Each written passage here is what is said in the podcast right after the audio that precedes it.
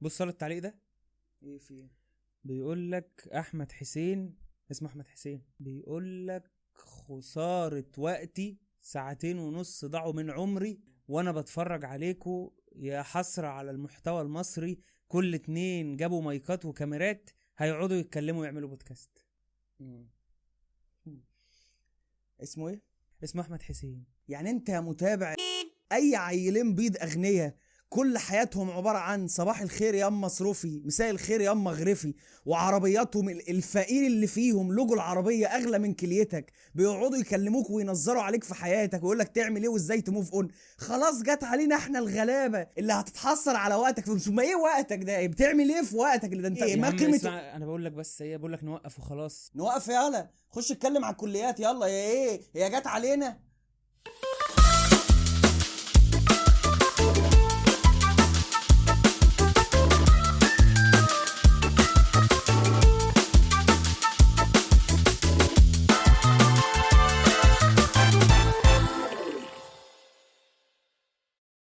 أخي الناس عندها حق برضه يعني داخلين في الحلقة الخامسة دي ولا الرابعة ولا ال... دي الخمسة دي ان شاء الخمسة؟ الله يعني. الخمسه الطيبة. عمالين نتكلم في المدرسة والمستر والحصة هي دي عارف- الحياة. ما يعني برضو ناس إحنا ما قلنا لهمش برضو هم دخلوا دخله ده برنامج بقى ممتد وبمواضيع وبتاع. يعني هو جت علينا سلسلة قصيرة.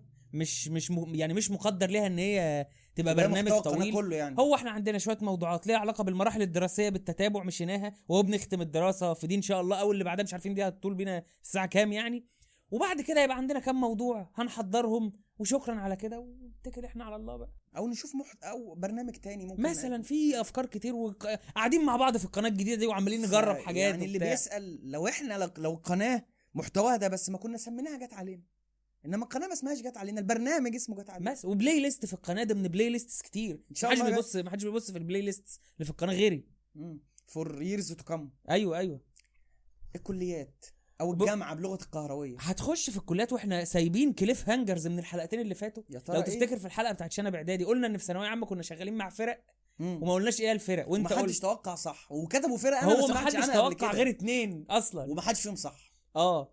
آه، والموقف بتاع المرة اللي فاتت لو قلت خلاك تاخد بالك من لبسك طبعا واضح من الشياكه اللي أنت لابسها. لا ده أنا مين بجرب. مشبح لك تاني على صدرك وكاتبها لك؟ قلب سليم يا قلب. قلب سليم ألف أنا سلام. عجبني ال font الصراحة. جبت سلام. الأسود والبيج. البيج.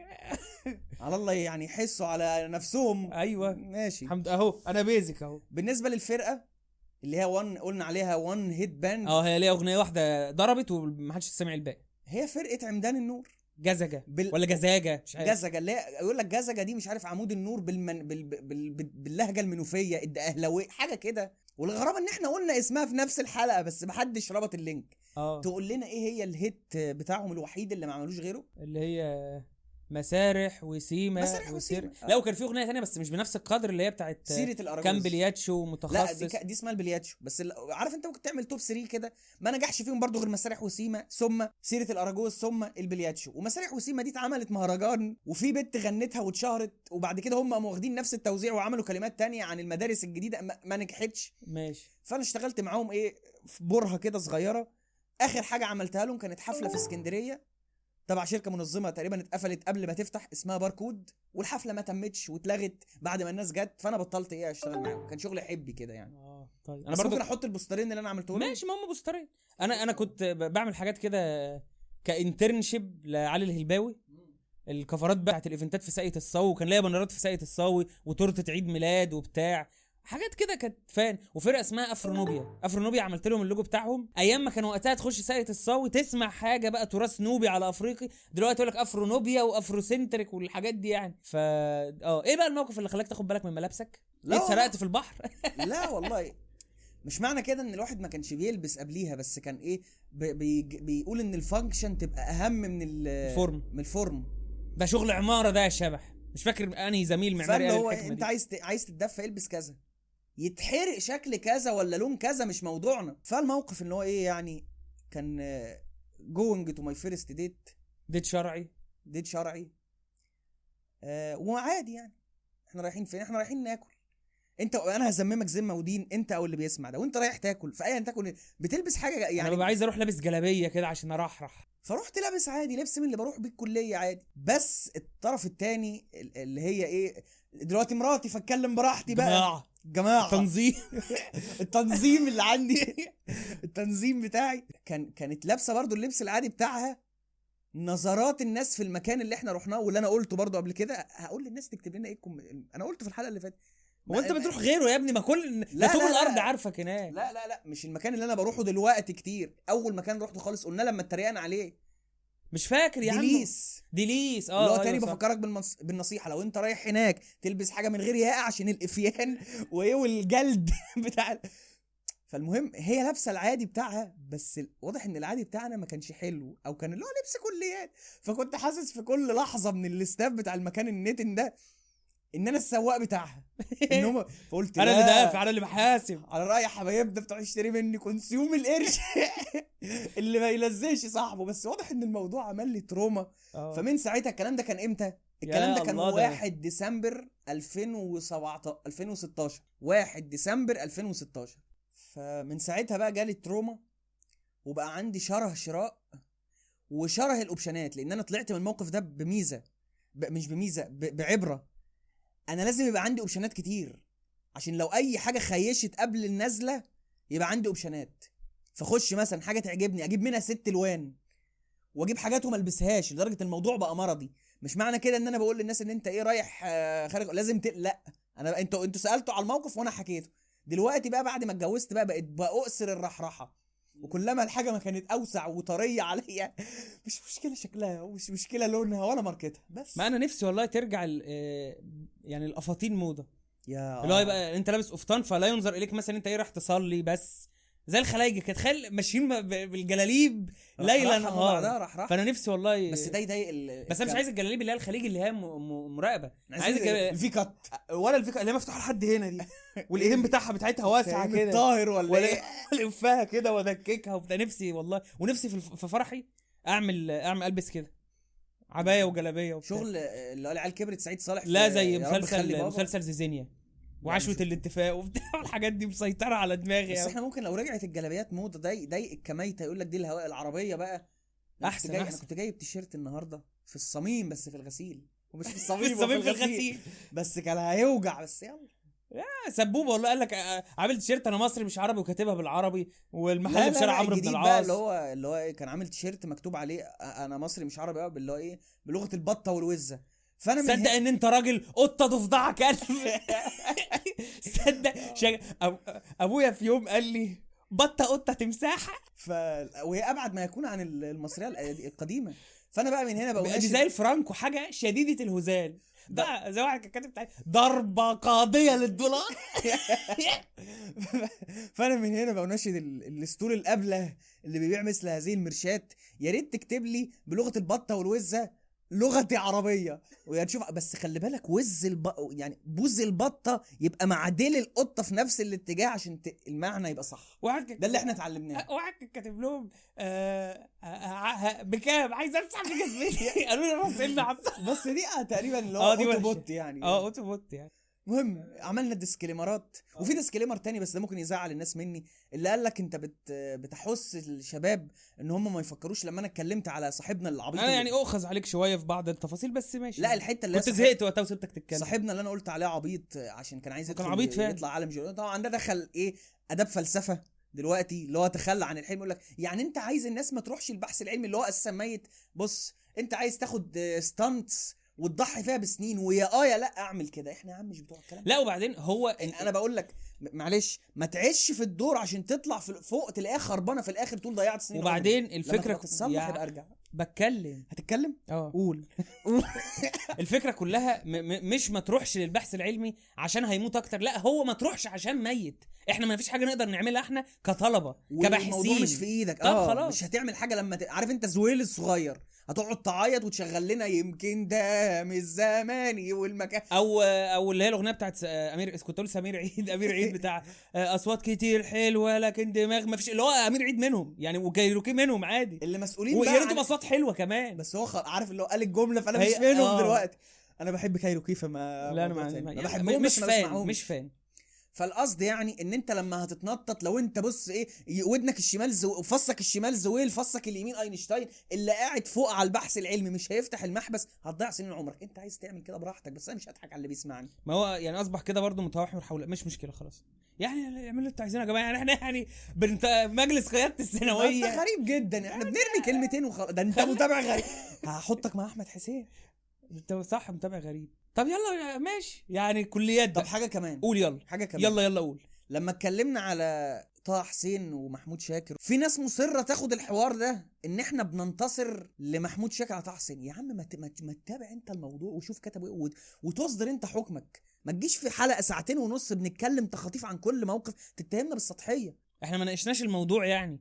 وحتى لو أنا رأيي ان أنا هنتصر لرأي محمود شاكر فدي بقى فلسفة تاريخ مش تاريخ. وبعدين عارف اللي هو تيجي له يمين يقول لك انت انت بتحب يا عم أنا مالي بيهم اتنين اتخانقوا مع بعض ما تتهمنيش بالسطحية. إحنا حلقة كبيرة بنتكلم عن موضوعات مختلفة مش فاتحين قعر مجلس لكل موضوع. هو إحنا فاتحين قعر مجلس بس مش لكل موضوع. مش لكل موضوع. للمواضيع كلها. خطيفي طط كده من هنا وهنا. تطي آه كفاية بقى أم ديسكليمر كليات لا. ديسكليمر جديد. إيه؟ أنت قلت طبعا في الحلقة يعني حصل كلام أكتر مني. في سوء فهم طبعا حصل واختلط عليك الأمر يعني وقلت يعني مستر محمد عبد المنعم الله يرحمه فمستر محمد عبد المنعم الله يرحمه شاير الحتة. وطبعا يعني الرحمة يرحمه الله يرحمه الرحمة يعني. تجوز على الحي والميت. ولو هو بيشوف الحتة دي فربنا يتجاوز عن سيئاتك. وخلاص هنشيلها من الحلقة ومش مشكله بقى. ولا نخليها كده من باب الافيه خلاص يعني ما عملناش مصيبة هو خدها بصراحة يعني. هو خدها برضو ب ب ب بهزار. بصيت على التعليقات يعني اللي هو إيه ده ده؟ بص بيقولها له بج... ما هو المدرسين نجم. هيتفقوا حسام كان عندي امبارح حسام صاحبنا مدرس كيمياء ثانوية عامة لغات أنا خايف أقول اسمه لا يجيب دعاية سلبية عليه لا لا هو مدرس قوي فكلمني عن سين المدرسين وهنا ما أقصدش مستر محمد عبد المنعم أنا أقصد بقى سين ال- الدروس الخصوصية ده مافيا وبيزقوا بنات على بعض وفضايح ويمسكوا رسائل قرفت جامد والله امبارح كامل الاحترام لمستر محمد لا، عبد المنعم. أنا دخلت ربنا موضوعين في بعض. وحضرتك حي بس اللي حصل في الكومنتات من بعض الناس كده إيه كنت عايز أخش أقلب الدنيا بس قلت لا هتيجي تقديرا. للمستر يعني وإحنا كنا هو خدها ال- بهزار. الخطأ كان جاي منين إن أنا في مرة من المرات لقيت مستر محمد الغزالي ومستر محمد كمان محمد الغزالي عمرو الغزالي ومستر محمد صالح متصورين مع أربعة وعاملين تاج لواحد وكاتبين ربنا يرحمه. فأنا ظنيت إن هذا الشخص هو مستر محمد عبد المنعم بتاع الكيمياء. لأن أنا ما شفتش مستر محمد عبد المنعم بتاع الكيمياء في حياتي قبل كده. فبس سوء تفاهم. سوء تفاهم. وبرده معاهد الجزار خدت الحتة اللي بنتكلم فيها اللي هي إيه بنقول اسم لا وتاريخ واعتبرها دعاية. اللي عايز دعاية يدفع لنا إحنا شاريين دومين.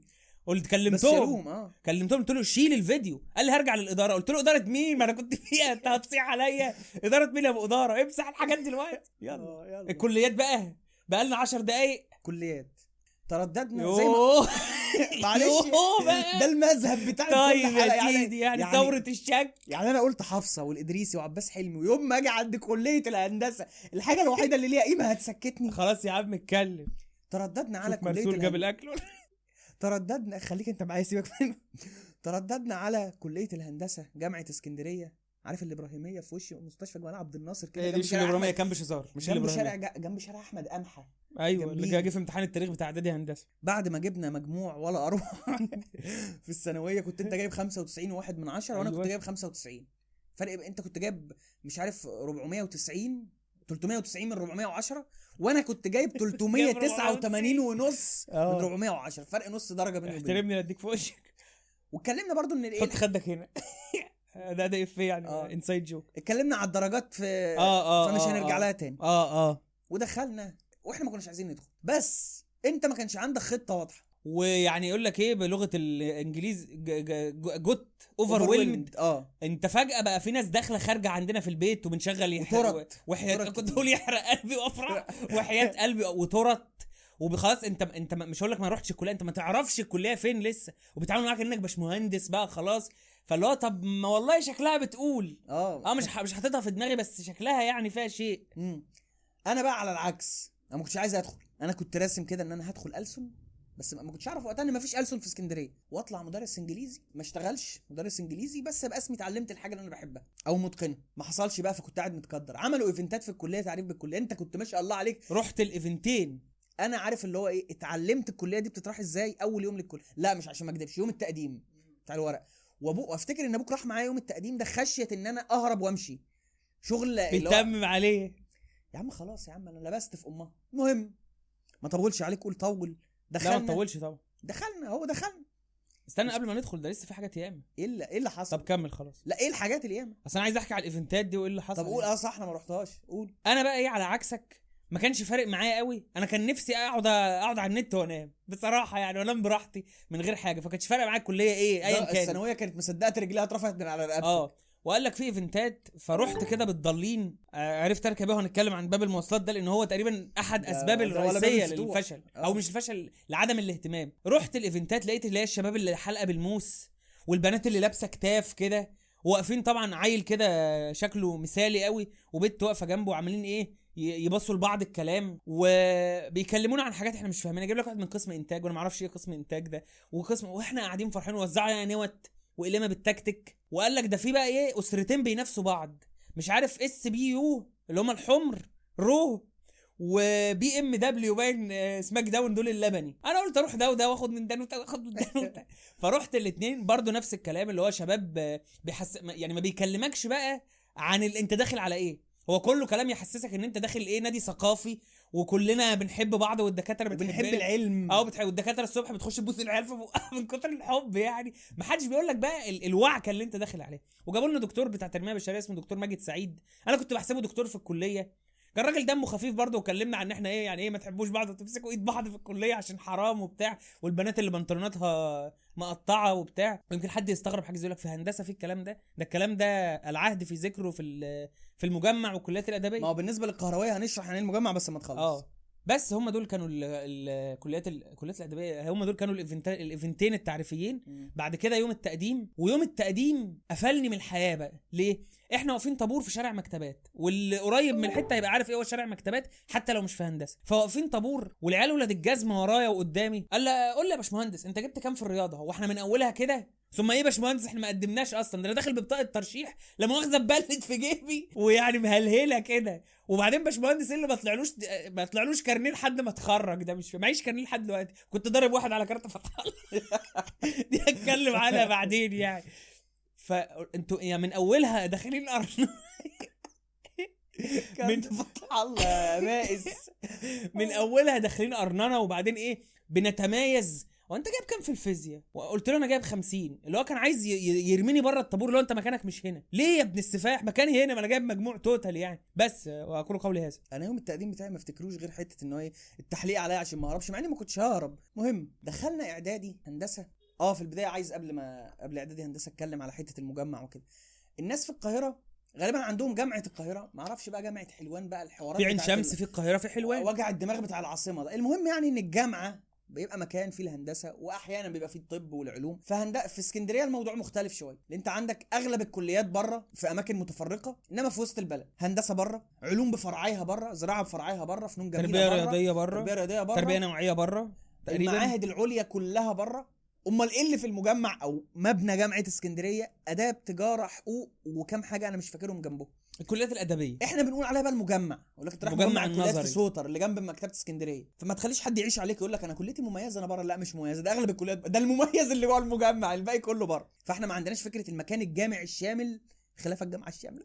المكان الجامعي الشامل لكل الكليات فعندنا هندسة أو زراعة أو علوم والمجمع بعدين. بتدخل بقى إعدادي وبتصطدم بحاجتين أنا هديك الحاجتين وأسيبك إيه ت... ت... ب- تطير فيهم. الحاجة الأولانية صدمة كده مدة المواصلات. أنت متعود بتروح الدرس 10 دقائق آه، تيجي من يعني الدرس 10 دقائق اليوم معاك كله. أنت في ال 21 هنوفيل بطاش ده آخرك. آه فبتصطدم بالمواصلات وأنا حتة المواصلات دي عايز أختص أتكلم فيها أنا لوحدي يعني. والسواقين.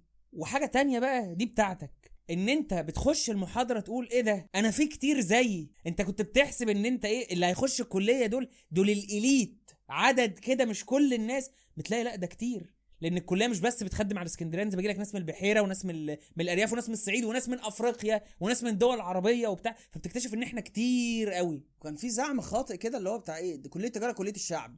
المدرج فيه 2000 بني آدم. طب ما أنا دخلت أول محاضرة في إعدادي هندسة لقيت فيه بتاع 2000 بني آدم برضه. لا لا مش حوالي ألف. بس كتير. المواصلات بتركب انت إحنا في ال 21 بتركب من 21 أول حاجة انت عندك ال- الجدول متقسم فترات اللي هي محاضرات. والفترة الأولى بتبتدي الساعة 8 و10 ولا كانت 8 وتلت؟ 8 ونص. 8 ونص؟ طيب عشان بقى كتير يعني.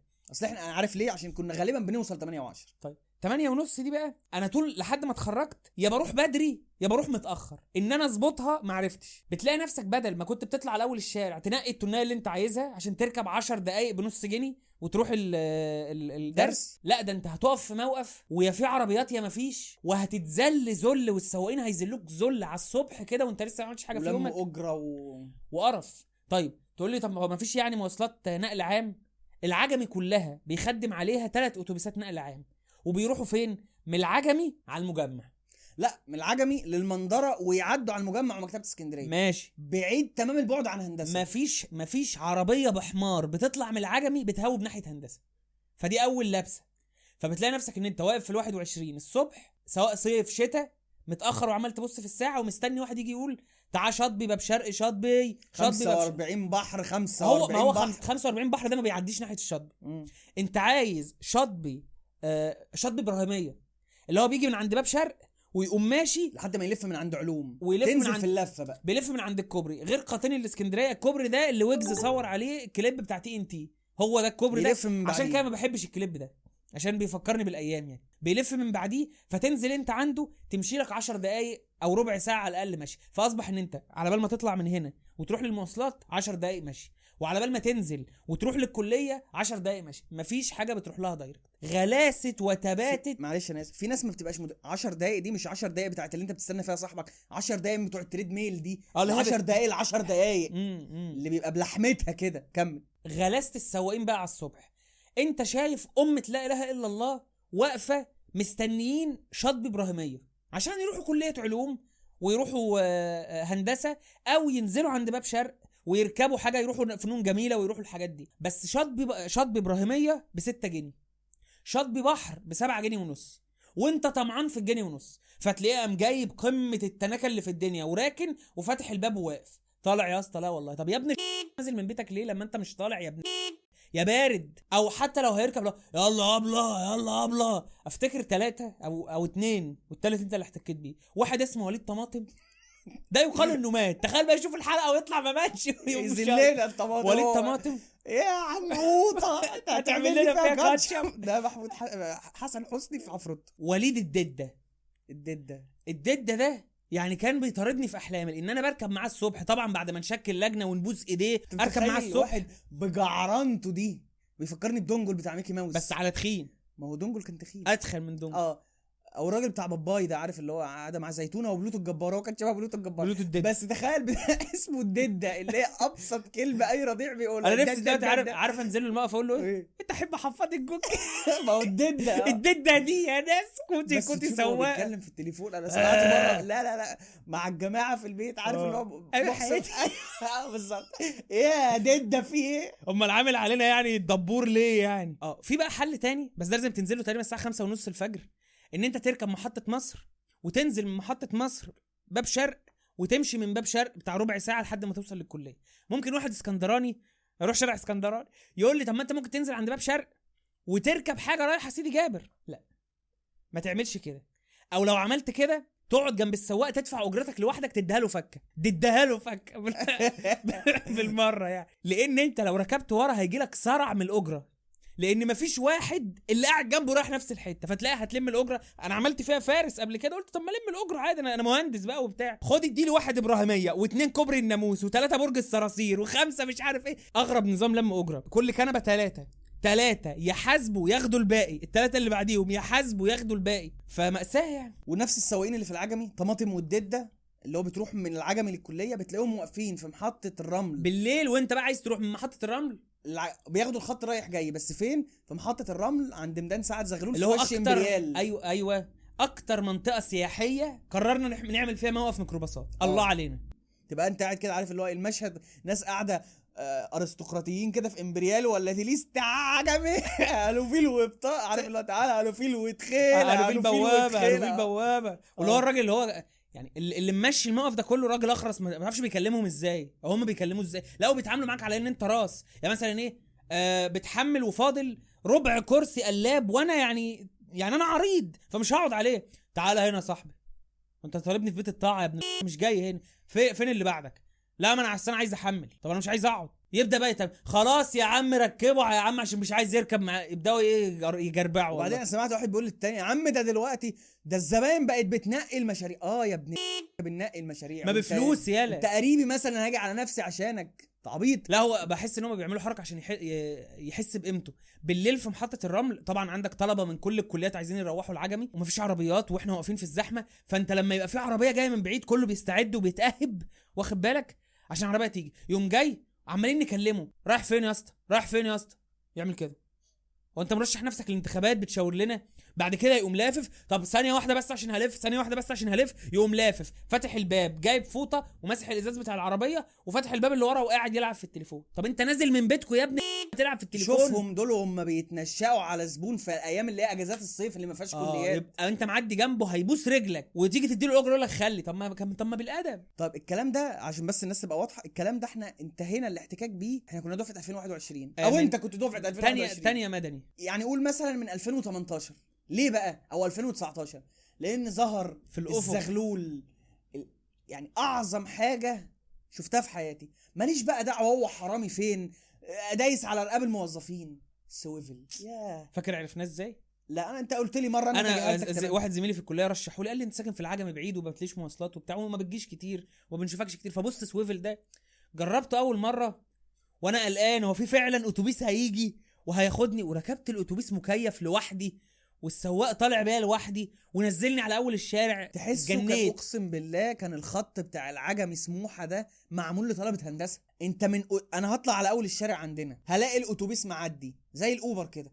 أركب حاجز مكاني مفيش ناس واقفة. أنام أقوم. عارف اللي هو أموت أعيش ما يهمنيش. هيجي عند مستشفى جمال عبد الناصر أقول له إرميني هنا.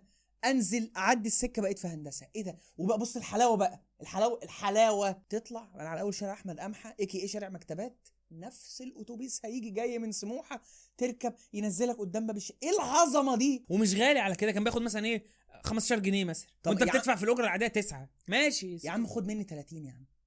على الخدمة اللي بتقدمها. آه بعد كده التكييفات ما بقتش بتشتغل. آه سواقين مرضى ولاد 60 بس في المجمل إيه العظمة دي؟ يكفي إن أنت مش مش مضطرني إن أنا أروح محطة الرمل. أنا هركب من قدام باب الكلية. لأن أنت كمان فكرة إن أنت تطلع من الكلية في ساعة الذروه 3 4 العصر وعايز تركب محطة الرمل دي استحالة برضه هتمشي هتعمل راجل وتمشي. بعيد. ست سبع محطات تعدي على على الشلالات على الأزاريطة على قائد إبراهيم على آه، امبروزو بولكي كل إيه لا دول بعاد يا عم أنت بتهزر. آه. دول الناحية الثانية هي مثلا إيه قائد إبراهيم ال- الأزاريطة آه، الشلالات و... يعني كذا محطة عقبال ما توصل للمحطة اللي انت عايزها محطة الرمل. أنا الأول إيه ما كنتش عارف أشاور إزاي؟ وبحسب إن كل المشاريع اللي هي معدية قدام الكلية رايحة محطة الرمل. أتاري في محطة الرمل منشية وفي محطة مصر. من أوسخ الحتت ف... فأنا واقف بقى. كده إيه في أول أسبوع في الكلية وكنت بروح مع واحد صاحبنا يعني بس إيه لما بروح بروح مع جماعته وأنا ما بقتش احبش ابقى تقيل يعني. فلقيت سواق بيعمل لي كده. فقمت عامل له كده. بحسبه بيشاور لي أنا ما كانش لسه في يوتيوب. محطة مصر عكس ما على حسب. مصر. لو أنت الكلية على شمالك وعملت كده انت كده محطة مصر. كده محطة الرمل ومنشية. وطبعا أكيد الكلية هتبقى شمالك وما انت هتدي العربيات ظهرك وتشاور لهم كده يعني. فكده الباي دي محطة مصر. عرفت بعد كده. you can see me عرفت بعد كده. ان هو كده كده. لحد ما غاب Swvl ومع أفول. لا أنا كنت خلاص بقى. أنت اتخرجت. أنا بقى إيه ده؟ أنتوا أنتوا بتحدوني يعني؟ مش رايح Swvl. مش رايح مش رايح Swvl ما تيجي نطلع زكاة مالنا اللي ما نشوف هي Swvl فلست على كام يعني؟ ونحل الأزمة دي. نروح نفسي. نحل مع Swvl أنا نفسي. بس بقى بقيت بعمل إيه بقى؟ أنا أنت عارفني بروح في الترم مثلا أربع في في الترم كله ممكن أروح أربع أيام مثلا أو حاجة. شامل الامتحانات. فبقيت إيه؟ consume القرش اللي ما يلزق صح. إن شاء الله مرتبي كله يروح في ال Uber. أنا مش هر... أنا مش همر بتجربة طماطم والدده تاني. ولا أنا رايح ولا أنا جاي. هتاخد مني كام؟ minimum كده مشوار كلية هندسة للعجمي لحد باب البيت عندنا بيتكلف من من 120 ل 150 جنيه. ولو اللي هو مش عارف اللي هو السي... الأسرع يعني ممكن يبقى 170 خد اللي تاخده. خد عمري. خد حياتي. بس أنا مش ه... مش هركب مع الدده وطماطم تاني. ومش ه... مش هحسب أجرة ومش هلم أجرة. فاكر أنت لما توت في العصافرة؟ آه. ده كان أيام ال... أنا أنا ما طلعتش بره العجمي قبل كده. فكان في واحد صاحب أبوك بي... بيقابله في الجامع يعني اسمه الاسطى محمد بحرية. راجل ضاحك بصورة تقلق. لما حد بيضحك الضحك ده والتفاؤل ده تقلق. عارف اللي هيطلع إيه؟ serial killer آه. serial killer فركبت معاه أنا يا باشمهندس مش عارف إيه. الراجل ده عرف إن أنا داخل هندسة إن أنا وأنا رايح أقدم مع أبوك ركبنا معاه. قلت له أنا أنا عايز أركب ومفيش مواصلات ومتأخر وبتاع. والمصيبة يعني برجع عارف أنا لو رجعت ببوابة زمنية زي بتاع Doctor Strange كده همسك نفسي الطش قلمين أنت مستعجل على إيه يالا ده- دي محاضرة ديناميكا. روح نام يا جزمة أنت. وكان الدكتور كان اسمه غريب كده بس مش ما علينا. كان راجل هينت كان راجل بائس. المهم تعالى يا باشمهندس اركب معايا. وبعدين عارف اللي هو إيه دبس فيا فقال لك بص أنا هركبك مع واحد تاني. في مشكلة هنا.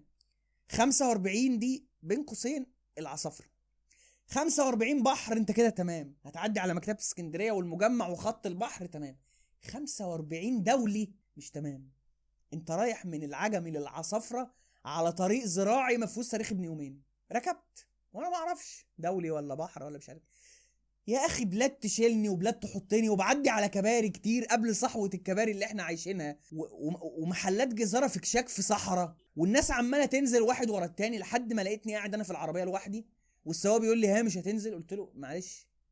فين الكليات؟ قال لي كليات إحنا في العصافرة. نزلت. عارف كنت فين؟ كنت في مستشفى مبره العصافرة. مش عارف حاجة. قلت أنا ما أعرفش في حياتي غير مكان واحد. اسمه المنشية. أنا هركب منشية وهروح ويحرق أم اليوم مش رايح. أثناء تعديتي على الخط ده إيه ده؟ ده مسرح بيراميد تونس هنا ده الكليات هنا. نزلت بقى وكنت في مين أم المحاضرة وقعدت أدرس المنطقة. الموقف ده هيتكرر معايا تاني بس في مدني. رايح 100 ترم وبجري. المرة دي ما خدتش بالي إن هو 45 دولي. لقيتني ماشي في نفس السبيل فقعدت أعمل كده.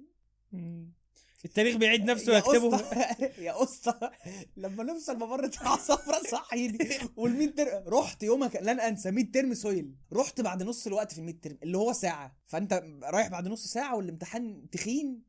فأفتكر إن في الترم ده أنا أنا شلت السويل عشان أعمال السنة مش عشان الفاينل. الترم التاني دهست أمها برجلي ونجحت فيها. ما هي دي فعلا في أزمة كبيرة في المواصلات آه للي ساكنين في العجمي. مش في كل المناطق. يعني مثلا أنت لو في البطاش فإلى حد ما مصيبتك خفيفة. يعني هتطلع على أول البطاش ودي مأساة إن أنت تطلع على أول البطاش وتركب الكلية هتوصل. لكن ال 21 كارثية بصراحة. كارثية في حتة من المواصلات الحاجات الغير آدمية اللي ما فيهاش ضحك إن مثلا إيه لما الناس تبقى زحمة كتير في محطة الرمل ويسمعوا من بعيد صوت واحد إيه لسه المفتاح محطوط في في الكتاوت. في contact في ال contact في التو- التونتاك. لسه المفتاح هم سامعينه من بعيد جاي من عند الجندي المجهول. الناس بتستعد أم تلاقي ستات وأطفال ورجالة ويجي المشروع ماشي. بص ابن ال... أنا همشي. هقف عندكم سلو موشن كده وبعدين كده.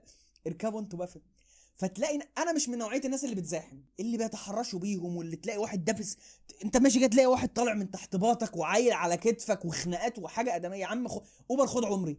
خد حياتي بس أنا مش ما أنا المشكلة إن. أنا أنا ما بحبش اوبر ليه؟ ليه؟ مش عشان غالي ما عادي. هقعد طول السكة قاعد جنب الراجل بحس إن أنا عليا عيب إن أنا أكلمه في حاجة. يا عم أنت مالك بيه؟ هو قاعد مركز وأنت بص في الشباك وخلاص. إنما يعني لما تلتحم بالناس في, في مشروع كده بتبقى تجربة اجتماعية الواحد بيفتقدها إن أنا قاعد على طول لوحدي. أنا بقى دي من التجارب اللي عايز أفتقدها للأبد. ما أعرفش بقى يعني إيه.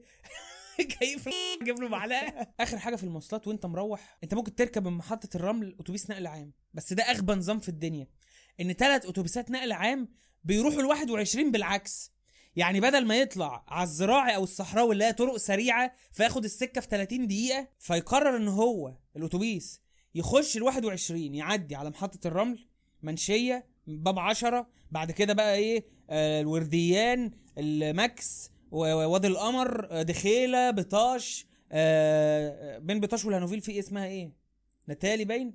نتالي والطلخاوي والحتت آه. والحتت دي بعد كده هانوفيل بعد كده حديد وصلب أبو يوسف بعد 21. كده ال 21 طب ما تخش ال 21 الأول في الدولي. لا ما فيش أتوبيس دولي. بس يعني المواصلات بقى خلصت كده. دخلنا 40 بعد- دقيقة بنتكلم في المواصلات. بعد ما وصلنا بالسلامة من ده مشوار. ده في خمس سنين أنا هقول لهم إمتى؟ خلاص. ما دي مواصلات ما هو عارف اللي هو أرضي ومتكرر. فدخلنا إعدادي ولقينا العدد كبير آه. اكبر مما كنا متخيلين. وتقسمنا آه، مجموعات. أبجدي انت طبعا عشان ألف فوق وأنا عشان ميم تحت كنت section 56 آه، كنت سكاشن قريبة مش فاكر كام بصراحة. بص. كلها أحمد أحمد أحمد أحمد أحمد. وأنا كلها محمدات ومحمودات ما فيش ميادة في النص تطري القعدة. ولا في أروع عندنا يعني. فنظام الكليات بقى كله بقى مش بس هندسة. الحصة بقى اسمها محاضرة. وبقى في حاجة ميني حصة كده اسمها section غالبا ما بيبقاش ليها لازمة أو ليها لازمة لو عليها أعمال سنة. المدرس بقى اسمه دكتور ولو في هندسة لو قلت له يا باشمهندس هيفشخك. هو يعني إيه أنا عارف اللي هو إيه خلاص يا يا راجل يا يا fragile يا ابن الصرم خلاص أنا كلمتي اللي هتضيع منك رسالة الدكتوراه. اللي هو أنا ما تعبت وقالها واحد قالها كده. أنا ما تعبتش خمس سنين في الكلية عشان تيجي تقول لي يا باشمهندس. الله أنا مالي.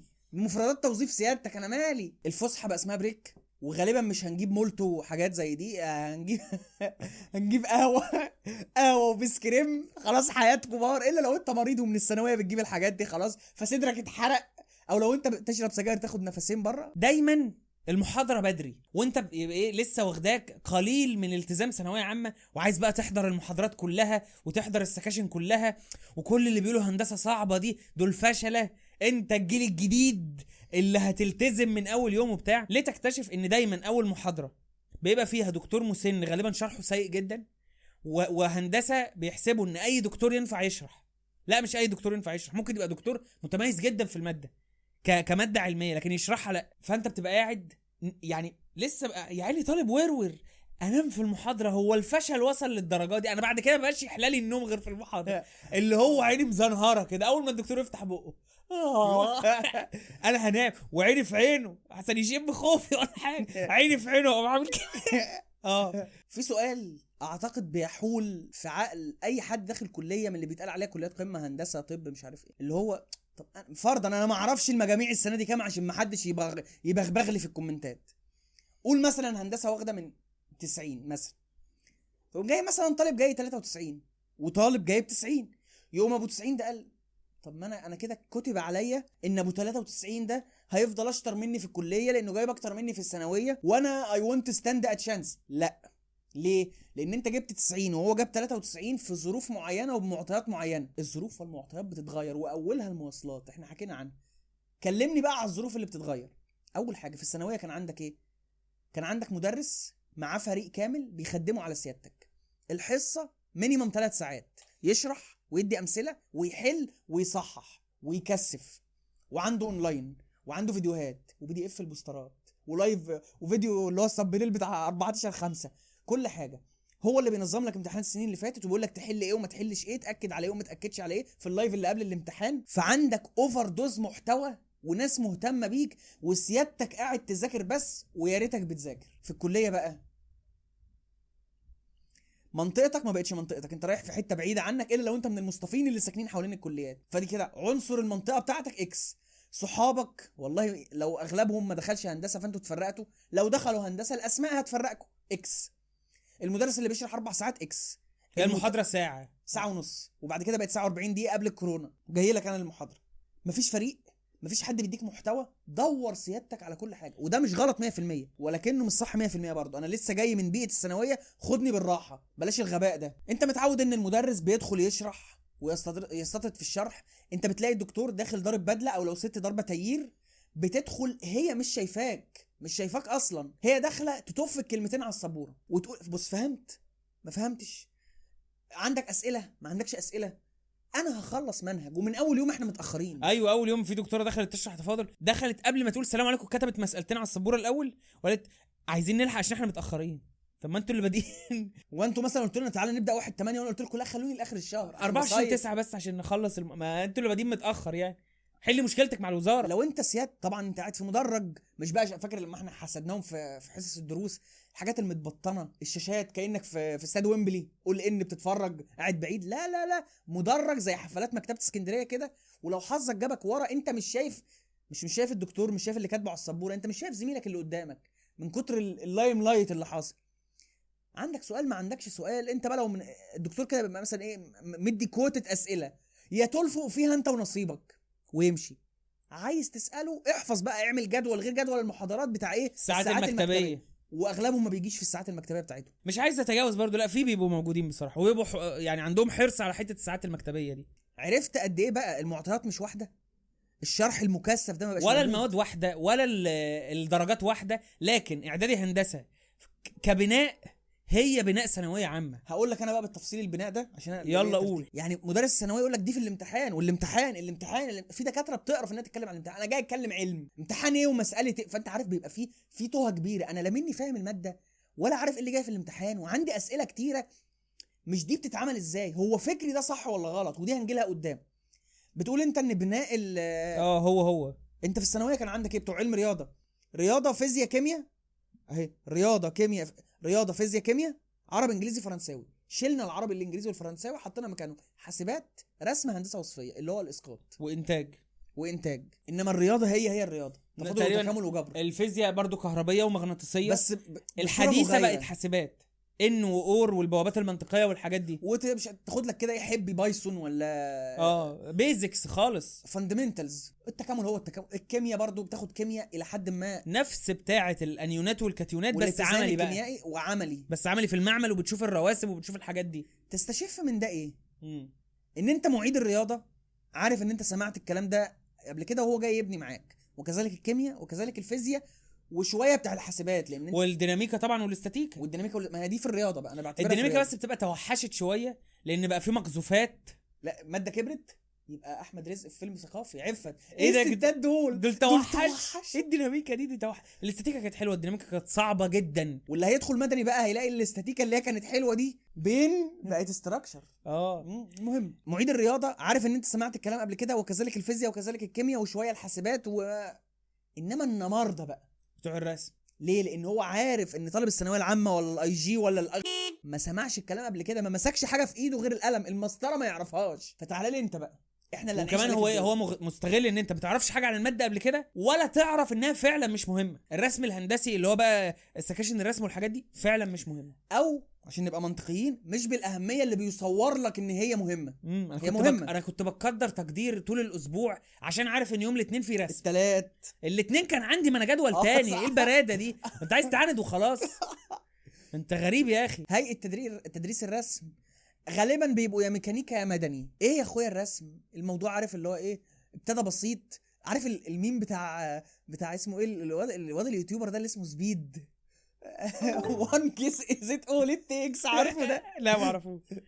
ما اعرفوش. اللي هو خلاص داخل فرحان لأن الأغنية سهلة وبعد كده البارات تنزل فيقوم قلع الرقه ابعتهولك ده تحطه ضروري. ماشي. هنعمل شوية العمليات الهندسية. دايرة لا مؤاخذه تمس دايرة دايرة تخش في دايرة ده نص كريست مش نرسم سمكة نرسم بقرة نزرع شجرة. ومرة واحدة المسقط الثالث تحس اللي هو آه. المسيح الدجال. تقول لنا أنت يعني إيه فكرة المسقط الثالث ويا ريت تستطرد في شرح. هي ابتدت إزاي بسيطة ويوسخت إيه الستات دول؟ دول دول توحش آه. إيه المسخط ده؟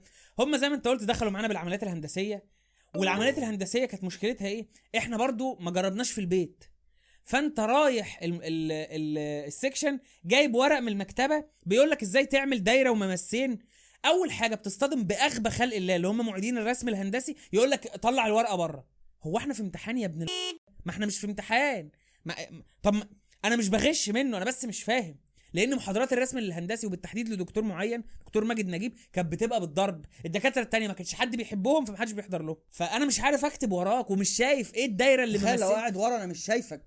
وده لو لقيت ورا أصلا أنت بتبقى واقف ورا المدرج أساسا وهو بيرسم على السبورة بيقول لك بالبرجل هو معوش برجل هو إيده إيده برجل. أنا مش فاهم مش عارف أعمل الحاجات دي لسه الأول. طلع الورق ده بره. أولها عكننة يا ابن بنخلص من حوار ال- العمليات الهندسية. ارسم سمكة بس طبعا السمكة لازم ترسمها ببرجل. دايرة ومماس. وقوس يمس دائرتين من الداخل. وقوس يمس دائرتين من الخارج. وال S curve والمش عارف إيه. بعد كده بتخش في حكاية المساقط. والمساقط دي هي بتبقى بداية الخيال بتاعك عموما يعني. يعني بص هذا المايك عبارة عن شكل اسطواني أقرب للمخروط.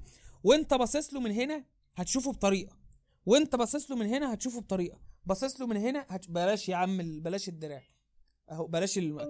ده دراع أهو أهو. عشان لا أهو ده دراع عشان ليه حاجات و... كده أهو مواجه ل... مواجه للكاميرا أهو. دي كده elevation elevation أو واجهه كده ترسمه من الجنب ده side view أو. في... العمارة كلها اسمها elevations بس في... ف... لأن بيظهر فيها ال elevation اللي هو ارتفاع المجسم. آه side view وده side view وده elevation أو back view كنت بتسموها back view في, ال- في الرسم ما الهندسي. كناش بنرسمها أصلا. آه اللي هي من الظهر. ال ال الأربع واجهات دول بالإضافة عليهم إن ده وأنت باصص له من فوق هتشوف كده. plan. plan. ال- المساقط دي كلها تقدر تعبر عنها. side view elevation plan. ال back وال side التاني ما لهمش لازمة. مش مهمين قوي. واخد بالك؟ دول اسمهم ثلاث مساقط. الثلاث مساقط بيعبروا عن الشكل آه، بتاعه. كأنهم قصاصات. لو لزقتها في بعض هتعمل الشكل الثلاثي الابعاد آه أنا هحاول برضه أحط صور تعريفية كده عشان جايز مثال الدراع ده ما كانش آه، أنجح حاجة. ممكن صح زي ما أنت بتقول على البتاع ده؟ ده باصص له كده elevation باصص له كده side view كده plan بالفوق لما اللي هو تحط plan الثلاث مستطيلات جنب بعض هيعملوا الشكل ال 3D ده. أيوه كده. كده بالظبط. هم ابتدوا بقى إنه يديك في ال section الشكل ال 3D ويرسموا لك كده isometric ويقول لك ارسم المساقط وكانت grid كده زي مربعات زي فأنت بتشوف إيه. إيه اللي ظاهر هنا كام مربع ومنع مظلل ال- بسيطة. بعد كده شالوا المربعات. لا آه بعد كده شالوا المربعات وبقى يديها أبعاد. ماشي بسيطة برضه. ماشي. بعد كده بقى يشيل إيه؟ بقى الأشكال مش بسيطة. يعني مش مكعبين كده كده فيها داخلين curve ات. وبقى آه. حاجة في دح حاجة داخلة جوه عشان تعملها dotted في المسقط في البداية كان بيديك ال- ال isometric وترسم الثلاثه بالمربعات سهلة. أيوه. بعد كده بقت بالأبعاد مش بالمربعات. برضه سهلة. بعد كده بقى يديك الثلاث مساقط ويقول لك ارسم ال isometric. بعد كده بقى الوساخة بقى بقى يديك مسقطين ويقول لك استنتج التالت وارسم ال isometric. عايز أقول لك حاجة إن في فترة معينة في مدني في, في شيء معين مش عايز أخش في تفاصيله هو محفوظ لأن هو ثابت في التنفيذ. كان بيبقى مسقط واحد. وتطلع الاثنين التانيين وترسم ال isometric okay. بقى الرسم بتاع إعدادي زي ما قلنا كان اتنين وطلع التالت. دي كان أوسخ سؤال في الامتحان. بتاع استنتاج المسقط التالت لأن أنت لسه مش مش حيرك قوي في حكاية الخيال مش يعني مش عارف تتخيل الحاجة فبتعاني أيام معاناة إن أنت تعمل المسقط التالت. ولما تعمل الثلاث مساقط بتكون لو انت إيدك تقيلة زي في الرسم بتكون أساسا ضيعت وقت الامتحان كله فما فيش وقت ترسم ال isometric. اللي هو ال 3D يعني. وكان برضو بعد كده طبعا بالممارسة بعد- هات لي أي شكل دلوقتي. كروكي كده من غير آه، أهو ده المسقط بتاعه. وأرسم لك المسقط كلها كروكي لو كروكي كانت مشيت الدنيا انما لا بس بس. بس بقى عندك وعي. إيه ورا إيه؟ إيه متداري فيترسم dotted؟ ماشي أنا هسألك سؤال. هو أنت لو بترسم ال isometric كروكي هيبقى عندك مشكلة. لو أحد المساقط فيه curve. لا طب هعمل ال curve إنما لو أنت بترسمه بقى بالورقة والقلم والمسطرة وعشان تعمل ال curve يعني تخيل إن ال- ال- ال- الحافة دي مش مستقيمة. نص بيضة كده. عشان ترسمها في ال 3D في ال isometric لازم تعمل كمية خطوات. وفاكر خط الميل الأعظم؟ أنا كنت فاكرها مكان الميل الأعظم دي. ده ليه بقى؟ لأن يعني بص يا رجال بص يا رجالة. لا مؤاخذه دي كده دي أهي. دايرة انت ش... اكنك شايفها 2D elevation الدايرة دي لو خليتك تبص لها 3D بقت ellipse آه. وال ellipse قطع ناقص. طب هو ناقص ابن أنا مالي؟ يعني هي كده بص اهي انت شايفها ellipse مش دايرة. لأنها 3D ال ellipse نقط كتير وبؤر لو و... كروكي تك تك تك خلاص. إنما ال ellipse ده ليه نصف قطر. 8 و... ليه قصدي ليه قطر صغير وقطر كبير مش قطر واحد زي الدايرة. وتقسم 8 وتشوف فين خط الميل الأعظم وتمشي. حوار. حوار فعلا. الأوسخ بقى إيه في الترم الثاني بقى بيقول لك طب ماذا لو؟ بص أنت هتعمل إيه؟ خد مسقطين هات التالت ارسم ال 3D واقطع فيه.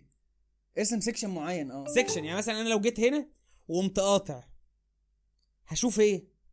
هشوف بقى كل حاجة جوه أنا قطعت زي فيها. البشاميل كده. آه وما تهشرش العصب وما تهشرش والمسامير. في ال steel بقى. في ال steel بقى المسامير الترم وال- التاني. وال I beam وال C. و two angles back to back أيوه two angles back to back وما تنساش ال corrugated sheet وتعمل ال- ال bolts وبينهم بيبقى إيه بقى بين كل bolt و bolt مش فاكر كام الصراحة. 3 D غالبا أو حاجة. طبعا أنت بتسأل طب إحنا ليه ما بنرسمش حاجة زي دي بال AutoCAD؟ ما حدش. بيديك إجابة.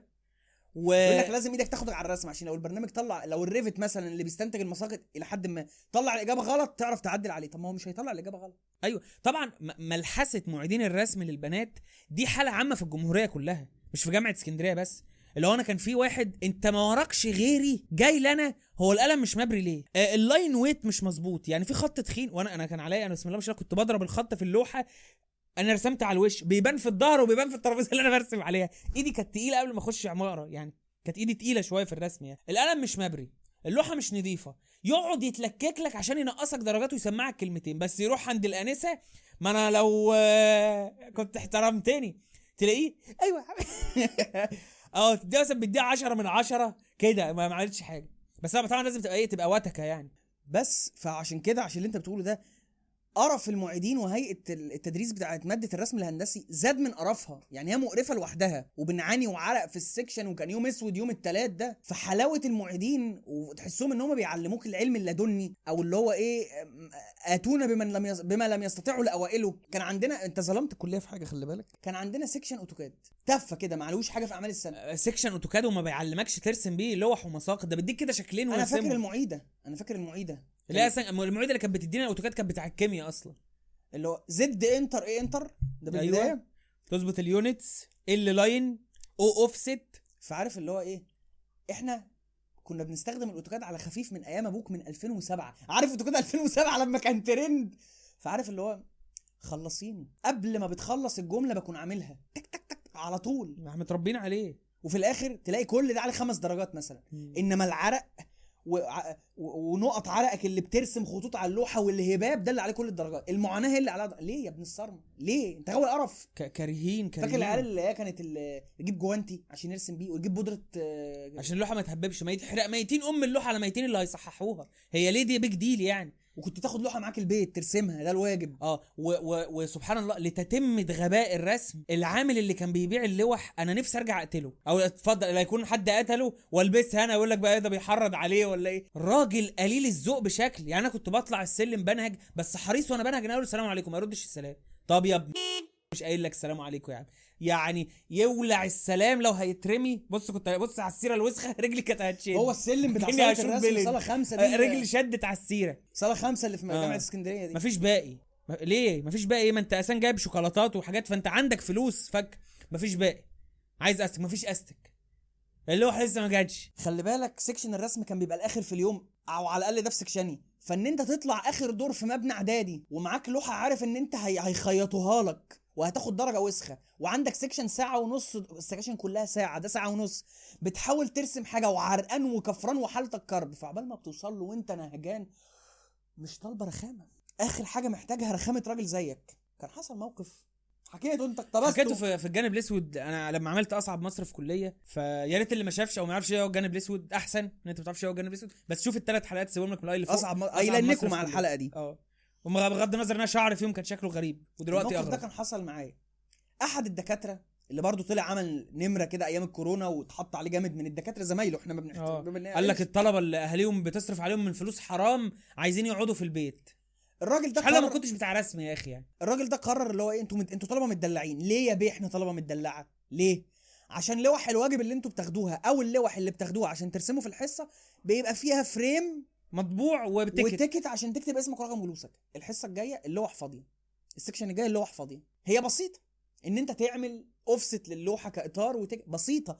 بس تعسيفه ملهاش لازمة. و... واللوحة 50 في 70 فمش هتعملها بمثلث عدل لازم مسطرة T وقرف. أنا رايح ال section واخد مثلث أرسطو. آه. لو شافوا معاك أرسطو يعني إيه آه هيهر مهرطق أنا ما أعرفش أنتوا عندكم إيه في عمارة. خش مدني كده. لو معيد أقسم بالله. عارف أنت؟ لو أبو الرجال تخش على عيال في مدني تقول لهم الأرسطو لأ. عارف ال- الكادر الجاي إيه؟ المعيد ده عامل كده ولابس أرسطو في زوره ميت. بتوع إعدادي بس بيحلوا عليهم كتير. إنما أنا أنا نفسي أخش أنا أنا أنا خلاص أنا بقى أنا بقيت من كبارات الكلية. أنا أكبر من معيدين إعدادي دلوقتي. فممكن أروح section بتوع إعدادي بالأرسطو وعايز حد يكلمني. والله أنا عايز حد يكلمني. أنتوا بتحلوا على العيال الصغيرة بس. فأنا قاعد كفران وسابب 100 ملة وخلاص وعارف اللوحة اللي إحنا هنعملها؟ ال frame دي كانت بتاعت إيه؟ كانت بتاعت ال ellipse اللي في الايزو أنا فاكرها. اتنين معيدات. أنا وقتها ما كنتش أعرف إن أنت المعيد ده مش شرط يبقى طالب جايب امتياز. ممكن يبقى طالب. جايب تقدير كويس فبينتدب وياخد كده أجر رمزي. مش عارف يعني يديله 5 جنيه وهو ماشي. بس هو عشان يبقى اسمه معيد في كلية هندسة وغالبا ما بيشتغلوا في إعدادي بس. أنا ما أعرفش الكلام ده. فهم بنات كتير. فأنا قاعد لقيت واحدة بت واحدة هتبقى معروفة يعني. آه العيال بتوع إعدادي دلوقتي أعتقد إن أنتوا هتتعرفوا عليها بعد أول section رسم وكله في هندسه عارفاها. بتقول لزميلتها آه هي دي أشكال يجيبوا لها لوحة فاضية. هي دي دفعة دي دفعة شاومينج دي دفعة يجيبوا لها لوحة فاضية. ممكن نعمل pause هنا؟ طيب يا معتوهة هو إيه التحدي في اللوحة الفاضية؟ يعني إحنا دفعة سقيطة كلنا. إيه التحدي في اللوحة الفاضية؟ ما أنت عارفة إنها تعسيفه وخلاص. فأنا يعني كل ما أفتكر الموقف ده أ cringe أ cringe أ cringe يعني. قمت داخل على group الدفعة. أنا ظني بقى إن إحنا وسط بقى. أنا كنت بكتب بعد كل امتحان في mid term بكتب post على الدفعة أقول إزاي؟ إزاي ما دخلناش في امتحان الحاسبات بآلة حاسبة؟ ونقعد نحسب ده بدماغنا عبط إحنا جايين له بتاع الحاسبات. أنت بقى لو لسه داخل هندسة أو في الدفعة داخل إعدادي أو أنت في أولى قسم ما ت...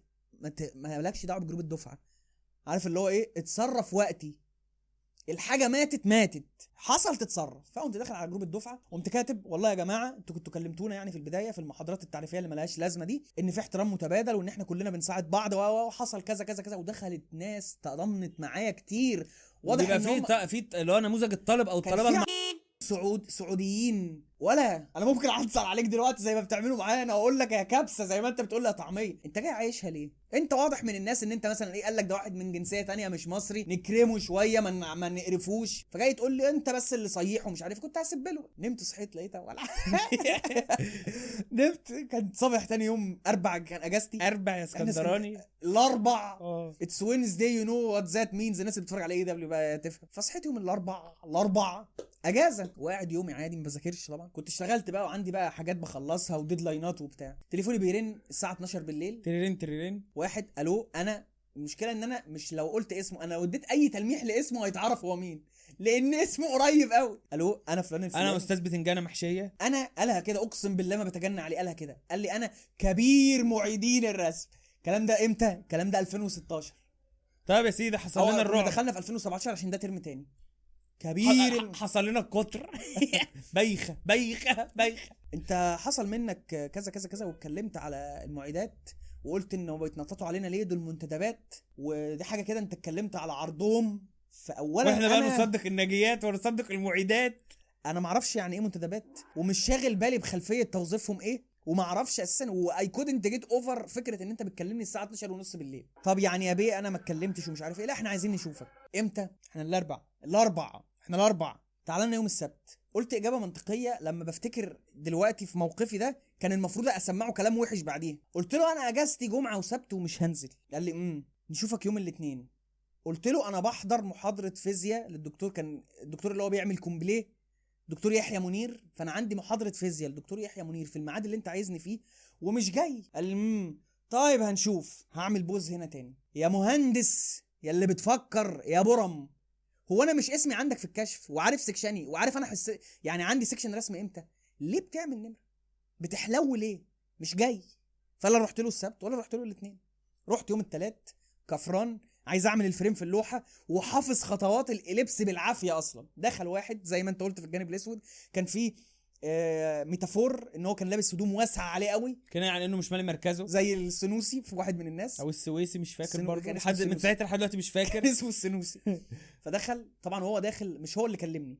لقى حفاوة كبيرة من معيدين الرسم. معرفش هو ليه قيمة ولا هم شايفين إن هو إيه ده. ده ال gladiator بتاعهم اللي هيخلصهم بالطاغيه التايرنت. فقال لي إيه ده؟ محمد فهمي فينك يا راجل؟ أنت يعني تعبتنا وبندور عليك. تدور عليا إيه؟ ما انت مع أمك الكشف وعارف ان أنا جاي النهارده. انت بتحلقه. تعالى.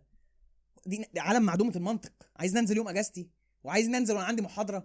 بص انعدام المنطق اللي جاي بقى. اتفضل معانا عشان آه، بس عايزينك في مكتب الدكتور. ه- ه- ينفع اغير هدومي واجي لا بهدومك. تعال. قلت له طيب يعني أخلص اللوحة. أصل أنت مش جاي لي في مدعرة. انت شايفها مدعرة براحتك بس انت جاي لي في section صعب ويوم ضيق وكان عندي فيزياء عملي قبليه فممكن اموتك بسحاحة دلوقتي. قال لي طب ما أنا ممكن أسيبك تحل وأديك صفر في اللوحة. فأنا عرفت إن هي إيه؟ إيه أصلها شا... كتفها في كتفها كنا في شتاء دخلت المشهد كالتالي شباك في النص. طب أنت بطل حلقه كمل شباك في النص مكتب نتن يمين مكتب نتن شمال. ده قاعد عليه الدكتور. دكتور أنا ما اعرفوش من الدكاترة اللي هو بيخش من هنا الناس تحضر لها العيال تتسرب من الناحية التانية كأنه عارف تفريغ هوا. قاعد كده والمعيد اللي دخل هددني ده هددني بحاجة طبعا عصيبة ان هو يديني صفر في اللوحة بتاعت الإليبس يا أخي يحرق أم الإليبس على اللوحة على الكلية كلها. وقاعد المعيد اللي كلمني وأنا أنتوا أنتوا إيه مثلا؟ أنتوا من, من الدوس على رقاب العيال حرانين في فاتحين الشباك في هذا الجو القارس فأنا سقعان ولابس سويت شيرت كده فعمال أعمل كده يمكن البعد يحسوا على دمهم يقولوا الواد سقعان. ده غير طبعا إن مفيش حد فيهم قال له اقعد اللي هو يعني أنا لو قعدت على الكرسي هيقل من من قيمتكم إيه؟ هي في لا هي عقدة نقص بتبقى جوه البني آدم. برضه حتة حقد تفضل جوه البني آدم. فعارف بقى من كتر ما تلكت هم حر... والله العظيم كانوا بيتكلموا في الهراء. يا ابني هو أنتوا إيه؟ معرفش أنا باشمهندس ويا دكتور جروبات الدفعة اللي طلعت علينا دي ويقعدوا يكتبوا. يا ابني الأول على دفعتكم مش هتلاقيه بيكتب حاجة. ما يكتب ولا ما يكتبش؟ انت دخلتني في أزمة مع الأول على الدفعة ليه يا عم و... يعني انت بتقول لي إيه؟ لما اخد على قفايا اسكت عشان اطلع الأول على الدفعة يا أخي كتف أمك على كتف أم الأول على الدفعة. بعد ما خلصوا أنا بقى عارف اللي هو إيه، عارف هاني رمزي خلاص مش قادر. قمت دافس إيدي في جيبي الاتنين. تقولش أنا كده لعنت أبوهم اتعصبوا أنت برضه أنتوا الطلبة اللي بتجنن برضه دكتور مش عارف بتنجان إيه امبارح كان العيل هيجننه لحد ما كان هيجي له ذبحة. أنا بقى كنت واقف لما الدكتور بتنجانه ده كان هيجي له ذبحة ولا حد داس له على طرف وهو كان عمال يتأرجس كده على البتاع وفاتح القميص صدره حمر وبتاع وكان سورمه هينزل بيتكلم في الفارغ بس. عارف اللي هو قال لك أنا هعمل فيها ديمقراطي قوي خد عينة من الطلبة وقفهم في المكتب على قد إيه إن البرواز ده لما يتشال ده هيبقى لمصلحه مش مصلحتنا مصلحة البلد وقاطره التقدم وبتاع ومصر رايحة على فين. فسبتهم يه- يهزوا مع بعض. فعلا والله مش سخرية منهم بس هم كانوا بيقولوا أي كلام. طب ما تشوف النيلة اللي قالته أنت إيه؟ وبعدين وأنا شهرت بيها. وأنا قلت المعيدة الفلانية ماشية مع الدكتور الفلاني. أنا اتكلمت على اللي عملته. أنت عايش في الدور. فأنا عارف اللي هو إيه. أنا عيني على الساعة اللي فوق الشباك. ال section بيخلص. قلت لهم خلصتوا قال لي آه يا سيدي خلصت. قمت لافف ظهري. زي البومة كده وراجع واخد الشنطة شايف المعيدات واقفين بره ورا في القاعة اللي هو بقى يعني عايزين يشوفوا هؤلاء انتصروا عليا إزاي مثلا. أنتوا تافهة وهم أدفة. خدت الشنطة و this is this uh, situation marks my last drawing section ever. قاعة خمسة دي أنا ما دخلتهاش إلا من سنتين مثلا لأن كان بمتحن فاينل فيها. ما عتبتهاش تاني ولا أعمال سنة. ولا مش أعمال سنة ولا تسليم واجب ولا تسليم لوح. لأن أنا لو كنت رحت واحتكيت بالأشكال الضالة دي تاني كان ممكن أسيب 100 ملة وأترفد من الكلية كلها. فده موقفي ونهايتي مع الرسم في الهندسة. لا لا هم فعلا كانوا عليهم يعني برادة وتلامة وغلاسة. حتى تحس يعني تكوين وشهم غلس. اللي هو أنا لو شفتك بتدي رياضة غلس برضه. الكلام ده من إمتى؟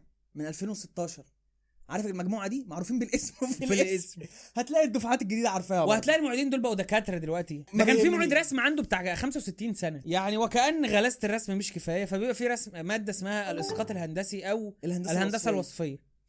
وهي بصراحة يعني هي فيها هي ممتعة لو انت فاهم هي بتتعمل إزاي. أو لو فاهم ال shortcut بتاع اللي هو إيه الكتاب اللي انت مستلمه المسألة اللي هتحلها في ال section موجودة فيه قبل كده ده الكلام ده على أيامنا بتبقى محلولة أو ورق المعيد بيبقى محلول فيه. احفظ أم الخ- الخطوات وتعالى اعملها في ال section وامشي. آه اللي هو بيقول لك النقطة يعبر عنها ثلاث إحداثيات إكس وواي وزد في الفراغ والخ- والخط المستقيم بيتكون من نقطتين. فازاي بقى انت والظل وبتاع يعني كان في شوية هي قريبة تطبيقات. شوية من الهندسة الفراغية بتاعت ثانوي شوية. يعني عارف انت أنا ما أعرفش الهندسة الفراغية عاملة إيه دلوقتي. مش إحنا كنا بناخد قواعد كده اللي هو القانون الأول في الهندسة الفراغية. إذا مثلا إيه إذا توازى خط مع في مستوى مع مستوى فإن المستوى الحاوي الخط يوازي المستوى التاني. بتاخدها بس بقى بتعملها بإيدك بقى. آه. فهي طول ما أنت عارف تحل ومش غلبان في الحاجة بت إيدك بت... هي بت- بتبقى ممتعة. بس المشكلة إن الرسم والإسقاط بتمتحنهم في, في وقت واحد فغالبا وقت الامتحان كله. بتقعد تستنطق في. المساقط ومش عارف ترسم ال isometric والسكاشن وال... والمسامير والحاجات دي. ف ف يعني مش بتحل حلو في الإسقاط. أو بتحل حلو في الإسقاط على حساب الرسم. آه، قعدنا كتير في الرسم. ما هو ده أوسخ حاجة في إعدادي. ال- الحاسبات هو كان بيبقى مثلا إيه مديك أرقام طالب منك تحولها من مش عارف من ال decimal لل binary للمش عارف إيه. وتضرب في 10 اس كلام اللي هو طب ما- اعملها بالآلة الحاسبة. لا ممنوع تعملها بالآلة الحاسبة. أنا ما أعرفش لو لهذا حكمة برمجية أو حاجة بس هي حركة بتستفزني جدا بصراحة. واللي كان بيستفزني أكتر أنا اسمي أحمد فهمي. وكان في معيد اسمه أحمد فهمي. فكان لما حد بيبقى عايز يسأله على حاجة بيخش يبعتوا لنا نصيبك بقى. عايزين يعملوا منشن لحد يعملوا لنا. فكنت أنا لا فاهم الماده ولا مذاكرها بس الناس بتسألني وخلاص تفكرني قد إيه أنا مش مذاكر. في مادة تانية اسمها الإنتاج أو تكنولوجيا الإنتاج وهي بتعرفك كل حاجة معمولة إزاي. يعني حتة زي دي استفدت في الكلام عليها في حلقة في حلقة أنا حاسس. إن أنا لو لو عدت الكلام ما فيش منه رجا. يعني فالناس تشوف أصعب مصر في كلية. الرسم والدراموكا وكل والدر... كل آه آه يعني فمش هعيد الكلام على المواد يعني. بس خلاصة للي لسه داخلين إعدادي هندسة. ابصم في الإنتاج هتعدي. لا في العموم في العموم لا تولي المحاضرات اهتمام. لو فاتتك محاضرة يا ريت. لو قررت ما تروحش المحاضرة والدكتور ما بياخدش غياب حلو. آه السكاشن ما تفوتهاش ما تفوتهاش عشان بيبقى فيها غياب. وعشان أهو معيد ممكن تسأله بشكل شخصي لأن ال section بيبقى أقل من. برضه آه العدد أقل. فممكن تسأله وعليك وعلى الكورسات ما هي الكورسات؟ دروس ثانوية عامة. دروس ثانوية عامة بتاعه ال- بس برضه لازم نقول بتدفع كلها مرة واحدة آه تقريبا. في لا في في أول الترم الترم. قبل الترم جزء قبل ال midterm جزء وبعد ال midterm جزء. آه فتلاقي مثلا تدفع إيه 400 جنيه في فيزياء آه وتاخد ورق وبتاع ويتابع معاك. ده لو عايز فعلا تجيب مجموع. برضه في ناس في ناس برضه إحنا عايزين نقول اكتشف نفسك ايا تكن كليتك إيه اكتشف نفسك في ناس ما بتحتاجش. ماشي بس يعني أنت في العموم لو عندك مشكلة كبيرة إن أنت مش فاهم مش عارف تحصل عارف اجري على الأدق الكورسات إيه؟ لو مش عارف تتخلص من الثانوية العامة وعايز حد يمشي معاك بنفس النظام بتاع الشرح المكثف والأمثلة ويرتب لك تحل إيه وما تحلش إيه أنت ما قدامكش غير الكورسات. آه. عرفت تتحلل من النظام ده هتمشي محاضرات خصوصا إن. في أسطورة اللي هي أسطورة المراجعات والملخصات. مش بتنفع في هندسة. أنت مش هيبقى في مادة أنت راكنها طول السنة وهتحضر يومين قبل الامتحان مراجعة هيلموها الكلام ده لك. في تجارة هناك. مف- مفيش الكلام ده في هندسة.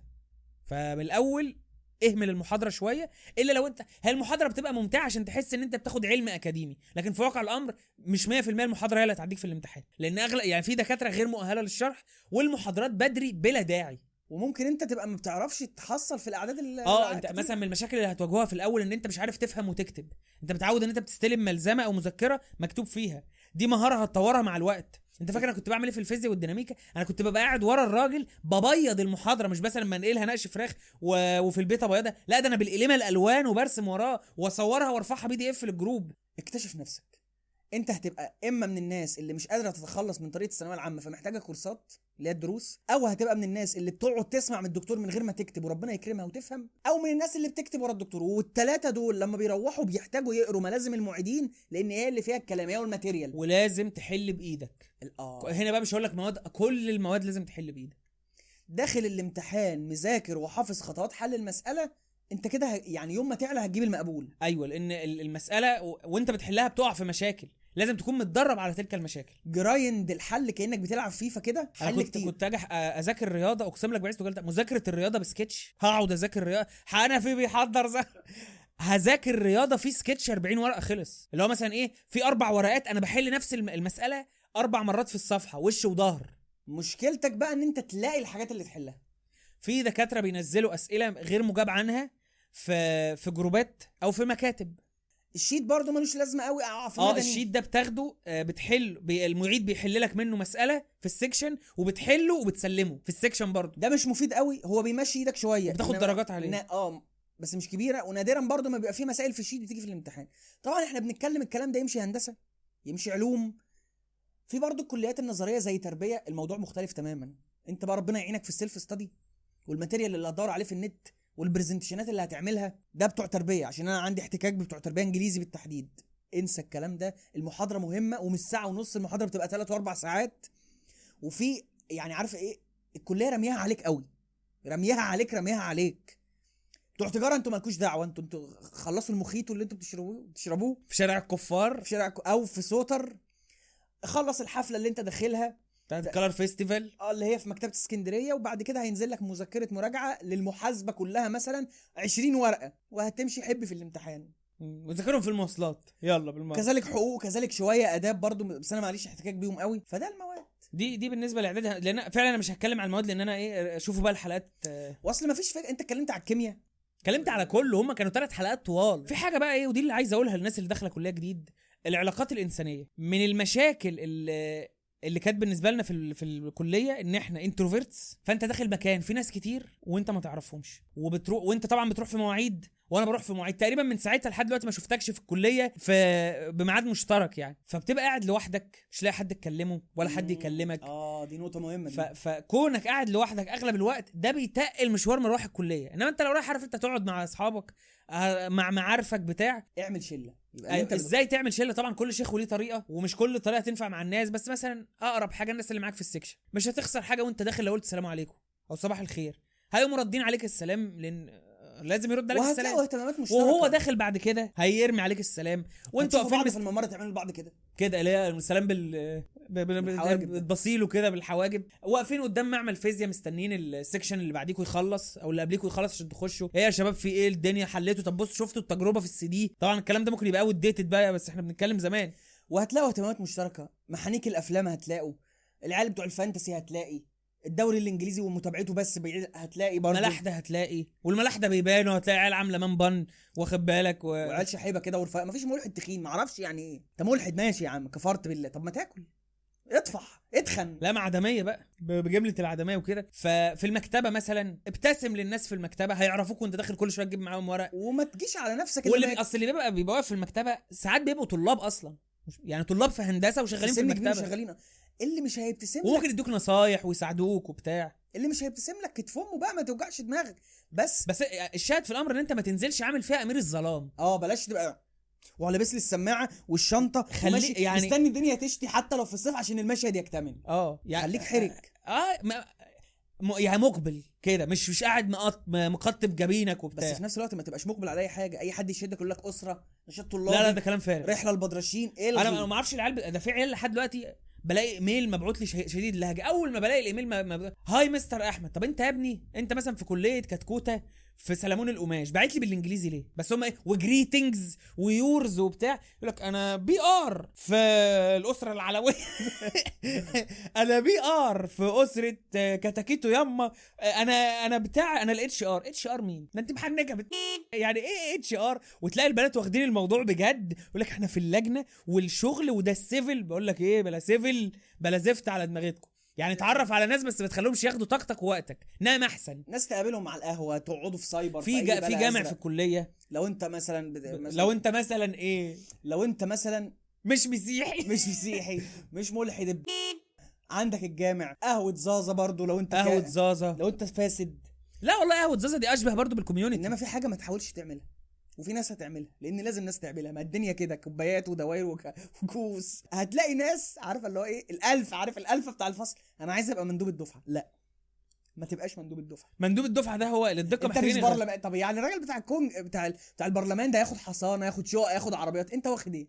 غير مرضيه مع عيالها خدت هتخلي حاجة بالدنيا؟ لا. مندوب الدفعة. العيال هتطلع قرفها من الدكاترة ومعيدين الرسم فيك. آه. كلم لنا الدكتور ما ودايما بيطلبوا من المناديب حاجات غريبة. وفي مناديب برضو م- كلم لنا الدكتور يلغي المادة. ما أو مثلا إيه ياخر الامتحان ساعتين. اللي هو طب هيعملها إزاي؟ فبلاش حكاية مندوب الدفعة دي اللي هو فعليا ما بس مندوب الدفعة اسمه إيه؟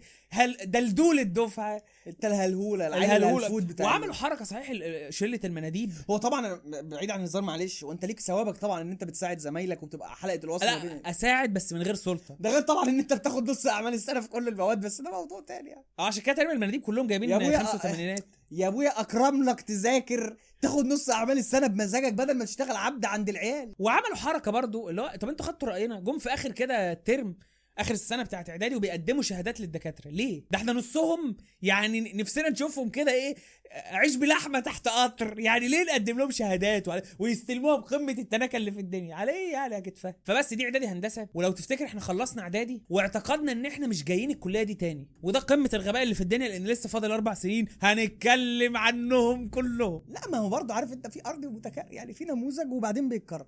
في تنسيق داخلي. وفقا لمجموعك في إعدادي هندسة بيتحدد مصيرك فلو أنت شغل الثانوية راجع لك تاني أهو. عايز بقى أنت حاسبات عايز حاسبات جبت 85% لا خلاص ارموه في إنتاج ولا في غزل ونسيج. أعلى قسم. وللأكادة إنتاج بيقبضوا كتير جدا بس إحنا اللي مش عارفين. بص هو كل قسم ممكن يقبض كويس في الظروف المعينة وبالإمكانيات المعينة وبالوسائط المعينة. برضه لازم نبقى واضحين. ماشي. أعلى قسم حاسبات ك... حاسبات ها؟ كهرباء عمارة. ميكانيك على أيامنا. حاسبات كهرباء عمارة ميكانيكا مدني وكانوا أحيانا مدني وميكانيكا بيبدلوا بس هم تالت ورابع. رابع وخامس ولا إيه؟ بعد كده بقى كيمياء غزل ونسيج نوويه بحرية كده. طبي بس طب هندسة طبية مش عندنا في دلوقتي مدني هو آخر واحد في القايمة. أحسن لأنه قسم يستاهل. مصدي وأنت ما كانش عندك خطة. كالعادة برضو أنت طالع من الثانوية ما عندكش مش خطة. عارف حاجة وما أعرفش حاجة على الأقسام ومش ع... وبصراحة مش عايز أروح قسم أنا عايز أسيب الكلية بالتل دي مش عايز أجي تاني. نفس النصيحة اللي قلناها في الفيديو اللي فات. أنت سوق عمل. عندك مدني عمارة ها ها شوف مجموعك يجيب إيه وادرس سوق العمل بتاع الايه بتاع الأقسام دي. أو النصيحة اللي أنا قلتها في live المشروع. منك في إعدادي وما جبتش مجموع يدخلك القسم اللي على مزاجك امشي. ما تقعدش. ما تقعدش. don't compromise أنا كنت عايز أخش قسم عمارة وما دخلتش. امشي خش فنون عمارة. ب... ليا واحد صاحبي عمل كده ونجح في عمارة واتخرج والدنيا معاه زي الفل. ما تعملش زيي. ما دخلتش عمارة رحت مدني. انت داخل بلا خطة زي وانت طالع من الثانوي. أنا بقى ابو الخطط كلها. أنا يا عم ما جاش معايا المسائل الرياضة اللي كنت شاطر فيها ما بقتش شاطر فيها. مش جاي معايا نظام الكلية ولا عارف انتظم في الكورسات لانها جنب الكلية. يعني هي هي المواصلات وهو هو المجهود. فقال لك إيه؟ في قسم عمارة. حلو حلو عمارة. هنا بقى دي بتبتدي المشكلة إن هو بيقول لك إيه، ده القسم السهل الجميل اللي ما فيهوش رياضة ولا فيزياء. جميل ودي حقيقة. ما فيهوش رياضة ولا فيزياء. ما حدش بقى بيقول لك هو في إيه مكان الرياضة والفيزياء؟ ليه؟ لأن اللي بيكلمك بالنغمة دي بيبقى مدرك مدى بؤسك من الرياضة والفيزياء. انت بس عايز تمشي منهم يحللك بقى الوضع هناك. فأنا قلت تعال. قال لك لا إحنا مختلفين إحنا باختبار قدرات. اختبر. تقريبا كنا آخر دفعة عملوا اختبار قدرات. أخ... صح. دي بقى معلومة صحيحة تاريخية. أو في دفعة بعدينا بقى اختبار قدرات وانت داخله عارف إن ملوش لازمة ومجموعك هو اللي هيفرق. بس تدفع 150 جنيه وتمتحن يلا. 150 آه كانوا 150 قال لك اختبار قدرات. اللي مر بتجربة قدرات في فنون عمارة سواء قبل الثانوية أو جاي لها من كلية هيفهموا. بس أنا بقى كنت فزلوك أكتر منك. قلنا ناخد الكورس. أبصي لك الكورس. فاكر الكورس؟ فاكر الكورس؟ قال لك روح هاتوا سكتش كانسون وهاتوا ألوان ومش عارف إيه وبدأ يشرح تنزل في لنا. الأجازة. دي دمها. تقيل. ويوم ما تنزل يعني أنا بعاني الامرين طول السنة في المواصلات. في الأجازة أروح برضو يعني الكورس عند الكلية. يعملوا أونلاين. الفكرة إن هي بقى أنا ما بنصحش أي حد يروح الكورسات دي إلا لو مثلا عندك طالب في رابعة عاملها ببلاش عاملها أونلاين عاملها كده تبع حد صاحبكم لأنها ما, فيهاش حاجة. أصل هو امتحان القدرات.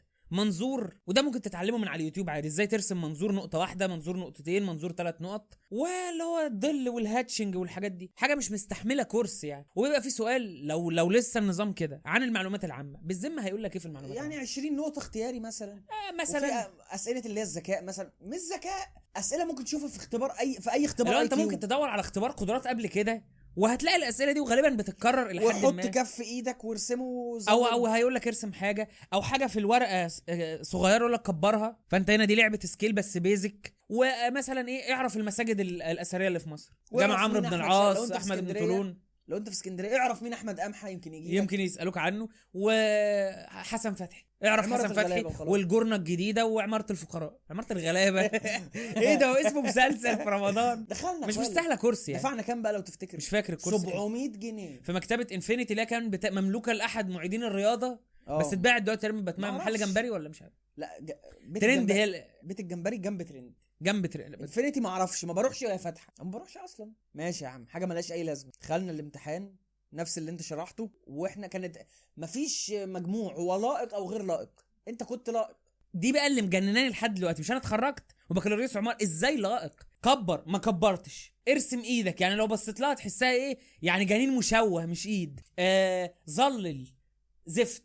اجابات اسئلة كلها غلط. لائق إزاي؟ بس كنت جايب المجموع في اعدادي بتاع عمار لائق. وأنا كنت جايب لائق بس أنا أفتكر إن أنا أنا أديت أداء ابن ابن حرام في الامتحان ده ورسمت إيدي وظللت رسام. بس ما دخلتش عشان المجموع. الله!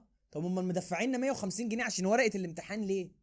هي سبوبة. لما هي كده كده بالمجموع مش بالقدرات. يعني الامتحان ده تحصيل حاصل. عامله ليه؟ فطبعا قال لي لا أنت ما مش معانا. أنت نسيق جاب لك مدني. وأنت هنا عملت قرار غريب اللي هو حضرت أول يوم في مدني؟ آه عجبني مدني. هو إيه اللي يعجب في مدني ده أصلا؟ ما تسألنيش ليه لأن أنا مش فاكر. الصح هنا بكرر تاني. الكلام ده برضه يمشي في آداب أو تربية أو أي كلية فيها تخصص من أول سنة. ما جاش امشي. امشي. دخلت مدني. أنت دخلت عمارة. وأنا دخلت مدني. عارف زهو اللي هو؟ طب هي كسل مش زهو اللي هو؟ خلاص بقى.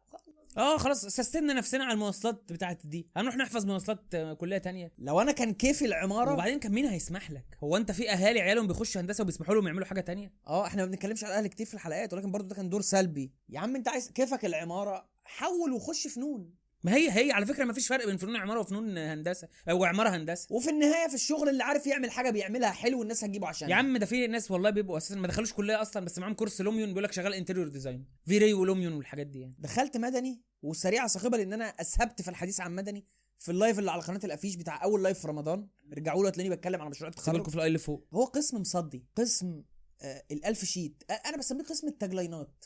إحنا قسم الألف sheet. إحنا عندنا ماده لم ينجح احد الا ال structure أو ال structure فرحانين أو نظرية قوي. الانشاءات. طب انت فرحان؟ ما معنى كده ان في غلط؟ في حاجة غلط.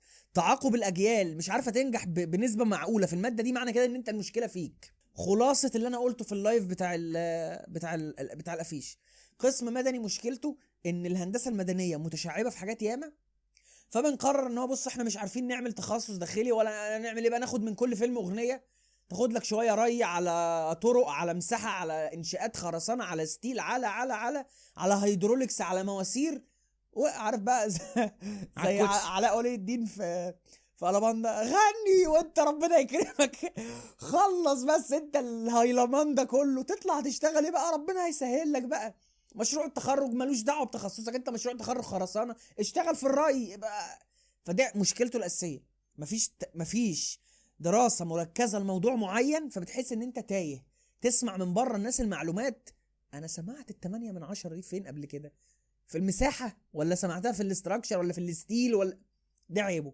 اتكلم أنت على العمارة الدندشة كلها. أهو اتفضل. الأساطير أهو. ولما ح... لما نحب نتكلم على عماره نتكلم معاك أنت. عارف إن أنت عندك إيه؟ إيه؟ الحلقة اللي فاتت. محمد نجم واحد ليمون والتاني مجنون. الخلاصة. التجربة كلها. والله هو يعني قسم عمارة انت كله بيبقى داخله على حس مفيش رياضة وفيزياء ودي معلومة أنا حابب اضحضها مفيش الكلام الفارغ ده. انت من طب ممكن تاني ابص يلا بوس إيدي يلا. حاجة واحدة عشان انت قلت مفيش رياضة وفيزياء. مدني في رياضة وفيزياء بس ولاول مرة. ولأول مرة في في التعليم هتلاقي الرياضة بت take step back وتبقى مادة رابعة حاجة كده من 50 درجة و70 درجة هي كده. بتتحول لتطبيق في ال- في ال- في مواضيع تانية. أنا أكدب لو قلت لك إن أنا فاكر هي بتتكلم على إيه بس أنا خدت رياضة ثلاثة ورياضة أربعة وفاكر إن عارف كده في اضغاث كده حاجات مش عارف ال nabla operator وأنا كنت حافظها ما تخافش من ال nabla خاف من خلفتها لأن كان اللي بيجي وراها حاجة وسخة ومش عارف التفاضل اللي متغيرين تفاضل ك... لا ما سيبك سيبك من الرياضة. البحتة الجبر والتفاضل والتكامل والحاجات دي. أنتوا مركزين قوي على الحاجات التطبيقيه ردود الأفعال اللي هي استاتيكا وديناميكا مش ديناميكا قوي مفيش ديناميكا أو. مقذوفات وحركة أنت بتتعامل مع ردود أفعال وأحمال. لا مؤاخذة القضيب بتاع مدرسة مسألة الثانوي اللي كان عليه مثبت من طرفه وحر من طرفه عليه أحمال. كبر وبقى راجل. كبر وبقى منشأ. حاجة وبقى. جمالون. حاجة وسخة حاجة حاجة اتفضل كمل. طيب من تانية عمارة تانية وتالتة انت بتاخد structure أكنك طالب مدني عادي بال sheet ات material معروفة مدني يعني. برضو دي؟ ومن مدني طبعا. آه soil وخرسانة من مدني وفيهم برضو انت بتطبق تطبيقات رياضية. بس الخرسانة اللي أنتوا بتاخدوها دي يعني دي طريقة في حاجة. أنا لازم أتكلم بصراحة. أنا قلت soil وخرسانة steel وفي بعض الدفعات قبلي كانوا بياخدوا كورس مساحة وده أكتر حاجة مفيدة. يعني كل المواد اللي أنا قلتها دي مش مفيدة. مساحة هي اللي فعلا مفيدة بالنسبة لطالب عمارة. اللي أنتوا بتاخدوها بقى ال total station وال ولا بناخد total ولا نيلة. ال theodolite آه. theodolite. ال total station اللي موجود في هندسة اسكندرية كان كل شوية يفصل يقول دخل الرقم السري كأن الكلية مكركاة. آه كمل. بؤس آه وبتاخد تبريد وتكييف من ميكانيكا. كل دول بجانب مواد عمارة. فأنت بتمسك الآلة الحاسبة وبتعمل ردود الأفعال بس وبت... مش في ترم واحد يعني. آه طبعا مش كل دول في ترم واحد. أنت بتاخد في ترم structure و material وتبريد وتكييف. وترم تاني soil وخرسانة و steel. وزيهم سنة ثالثه أو يعني بيختلف الترتيب برضو من, من اللي أنا شفته. في الخرسانة بالذات لأن دي المادة اللي أنا فاكرها أنت ذاكرتها لي في الكورونا. إن أنتوا خدتوا طريقة اللي هو إيه طريقة التصميم ال uncracked section فده مش مش ربع الخرسانة دي طريقة في حاجة. ماشي ما بقول لك ما أنا مش مش واخد كورس خرسانة أنا واخده بجانب حاجات تانية كتير. الواد حلو ويعجبك. تخش قسم عمارة ده مبدئيا هو عالي والأسانسير لمن استطاع إليه سبيلا اللي هم مين؟ دكاترة ومعيدين. ويعني أنت عارف إيه؟ لو تملحست لمعيد ولقيته طالع في السلم فانت داخل وراه. أنا ما طلعتش في الأسانسير ده لحد دلوقتي يعني. يا رب لا خلاص مش بدح فبتطلع على السلم وهو في آخر دور فبيتقطع نحبك على بال ما تطلع. بص بقى عشان انت انت تشرح لنا الجغرافيا وإن آه. قسم عمارة ده دور ترددنا على دور في مبنى. في مبنى إعدادي. إدارة. مبنى إدارة. مبنى اللي هو إدارة البوابة ده- الش... المبنى الشهير بتاع كلية آه هندسه مبنى إدارة ده معمول أكنه معبد فرعوني بيتبع المدرسة ال- النيو كلاسيك في العمارة اللي هو تحس إن المبنى شاري سكن واخد skin من التاريخ بس الوظيفة حاجة تانية. يعني مبنى كلية هندسة الرئيسي اللي بيترمم دلوقتي ويعملوه أبيض. واخد بالك؟ معبد فرعوني بس هو من جوه مبنى إداري وتعليمي. مبنى البرلمان البريطاني بتاع فيلم V for Vendetta. من بره كنيسة قوطيه بس من جوه مبنى برلمان. فدي اللي هي ال neo classic. على رأي النجارين وبتوع العفش لا كانوا بيقولوا عليه modern classic باين. modern classic مثلا. ده classic modern حاجة آه. كده آه. فهو معمول على إنه معبد فرعوني والمعبد الفرعوني كانوا بيعملوا ال- السلالم بتاعته عالية وكتير بحيث أنت على بال ما تطلع بالقربان على ظهرك اللي هو الشنطة بقى في حالتك على بال ما تطلع السلالم دي كلها العريضة ولسه هتخش جوه قدس الأقداس 60 متر من المدخل هتكون نازل على وشك في حضرة المعبود اللي بيعبدوه. هم عاملينه بقى كده. فبتطلع سلالم جرانيت بنت كلب قد كده كتير وعالية وتخش جوه تمشي عشان تطلع سلالم تاني. هو بقى في الدور الأخير الدور الأخير واخدين الروف ولما تاخد روف وتقفل جزء منه بمباني وتعمل سقف هرمي بيبقى اسمها شخشيخة. فهو دور وشخشيخة. شخليل فهو دور وشخشيخة. الشخشيخة دي العهد إن هي استوديو الرسم بتاع سنة أولى. تحت بيبقى فيه آه، غلط دورين وشخشيخة. تحت بيبقى فيه صالة تانية صالة تالتة وصالة رابعة. الميزة بقى إن القسم ملون. آه أنت بتطلع. أول يوم الحيطان معمولة لوحات مشاريع طلاب وماكيتات في الأرض. أنا قلت عارف عارف آه، همام في أمستردام لما كان رايح كده على على ال miniature، ال miniatures الحاجات دي. ماكيتات في الأرض والعيال جايين بهدوم البيت. الواد أصله القسم أصله حلو ويشدك. وبعدين إيه؟ العدد قليل مقارنة بإعدادي. أنتوا كنتوا 90 إحنا كنا إحنا مدني 700 آه فاللي هو العدد قليل. وبعدين أنا واقف كده إيه؟ وطلعوا عاملين event أنا ما رحتوش. فانا بستغرب إن العيال أول يوم بيكلموا بعض. أنتوا عرفتوا بعض إمتى؟ وأنا للدرجة دي متأخر. حتى في معرفة الناس. اتاري هم اتعرفوا على بعض في ال... فأنا أول يوم واقف كده بشوف بقى بسأل عم بسيوني. ما كنتش وقتها ما كنتش عارف اسمه عم بسيوني. كنت عارف اسمه عم. إيه مش عارف لسه. أروح فين بتاع فلقيت طالبة كبيرة. السيسي. وأروح أنادي على عم عثمان. أقول له عم عثمان. ولقيت طالبة كده شكلها كبير يعني أكبر مننا. بتقول لي لا مالك أنت؟ كان ناقص تجيب لي بورنوس. مالك كده؟ انت متوتر ليه؟ لا فك كده ده إحنا في عمارة وبتاع. فواحدة واحدة ماشي. دخلت المدرج وكانت الصدمة. مبدئيا هو مدرج اسمه فارسي لأن في دكتور آه، آه، نسيت اسمه هو دكتور مح- محمد حسين فارسي أو حاجة فارسي اللي هو دكتور كبير وهي عائلة عريقة يعني في في القسم. فهم عاملين مدرجين واحد كبير وواحد صغير باسمه. المدرج عامل شبه الساونا مش من مش من الحر. هو طبعا في تكييف من أيام أمون رع آه، التكييف مش شغال. عارف اللي هو التكييف اللي تحسه ساند على الحيطة عامل كده. كبير كده. المدرج خشب في خشب والكراسي متبطنة وبت... زي كراسي السينما كده بتترفع وت... و... وفي دكاترة راسمين بقى مباني اللي راسم الحرم المكي واللي راسم الأهرامات على الحيطة. ففي شغل كده في ناس مهتمية بالمكان ده وال... والمدرج نظيف وريحته مش وحشة والعدد قليل وبتاع وقاعدين والدنيا حلوة ومبسوطين ويعني الواحد بقى إيه واحدة واحدة بتحس يكونش ده مكاني بقى. يمكن ده مكاني والزمان والزمان ده- زماني. يكونش ده بقى ال... الحمد لله الواحد ربنا أكرمه ولا إيه؟ قاعدين كتير مستنيين جامعة عاد المحاضرة. فجأة دخل شوية ناس شكلهم كول كاجوال عادي مش لابسين بدل ولا كان في مدة الدكاترة بيخش لابس بلطو عشان الطباشير ما يبهدلش البدلة بتاعته. ويقلع البلطو ليه لابس قميص وبنطلون. طب انت على إيه يعني؟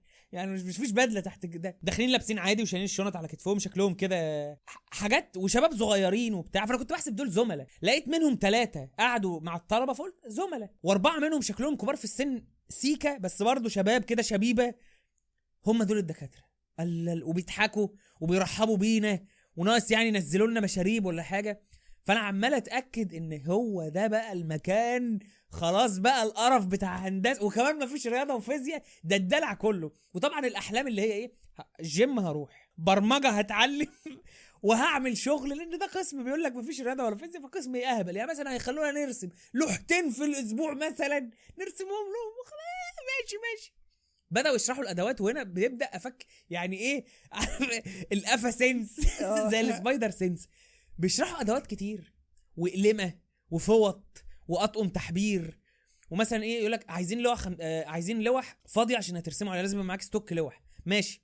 السوق فيه متر في 70 و50 في 70 أنتوا بقى عايزين انهي؟ لا إحنا عايزين مقاس تالت مش موجود في السوق. ماشي يا عم. لاجل الصحبة الطيبة دي نعمل. فلازم تروح عند كمال سعد. تاخد منه على الأقل 20 لوحة عشان يرضى يقطعهم لك كلهم المقاس اللي هم عايزينه. يعني هم مش عايزين 50 في 70 هم عايزين 59 و4 في 42 اللي هو مقاس ال A 2 وشنطة اللي هي ال portfolio. و... واطقم تحبير و...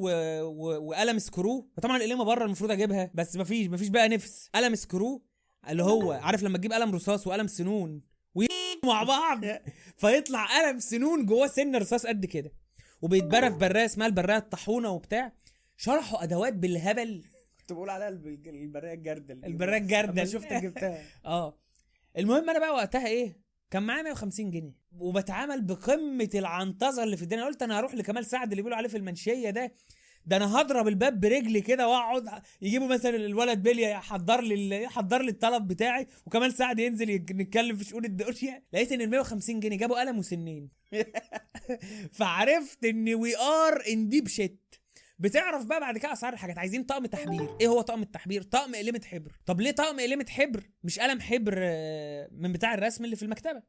مش عارف الدكتور قال ال disposable أنهي بقى ال disposable اللي بيترمى ولا اللي بيتملى ال dis مش عارف.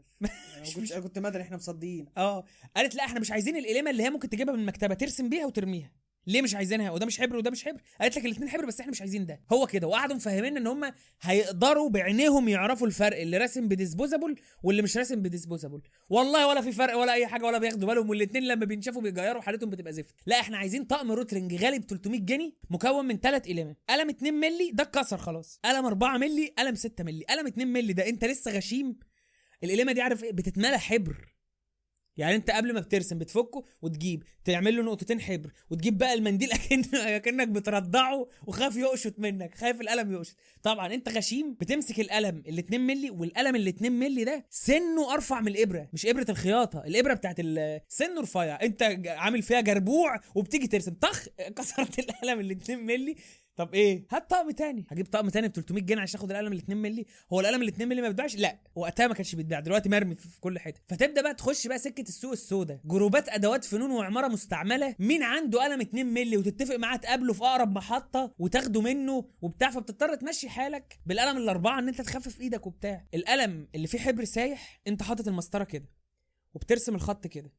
الحبر نزل تحت المسطرة. هتيجي زي وانت عامل زي البرب تقوم ساحب المسطرة كده وانت شايلها باظت اللوحة كلها. عشان كده لو تاخد بالك هات كده المسطرة بعد إذنك. المسطرة لو خدت بالك ده الوش ده مسطح تماما. ما ينفعش تحط المسطرة كده وتعمل خط بالحبر عشان الحبر هيخش تحتها. فبتقوم قلب المسطرة كده بص الشطفة دي. مم، تمنعه. تمنع فهو القلم ماشي كده. تمنع الحبر إنه يخش تحتها. ولو حتى الحبر دخل تحتها اهو خد ارميها في أي خرار. آه وطبعا هتجيب مسطره دي دي مسطره 120 جبتها روترنج أنا الواحد كنت جبتها في القسم عشان كانت غالية جدا كانت ب 150 جنيه. وقتها بيبدأ الموضوع في القسم على الهادي أنت مش عارف أنت بتدرس إيه أو مش عارف هو إيه لازمه ده بقى في الحياة. بس طالما ما فيهوش آه، رياضة وفيزياء وسكاشن الدنيا زي الفل. يدونا لوحة فيها خط مايل كده آه، ارسم الخط. حاضر اعمل لوحة وارسمها.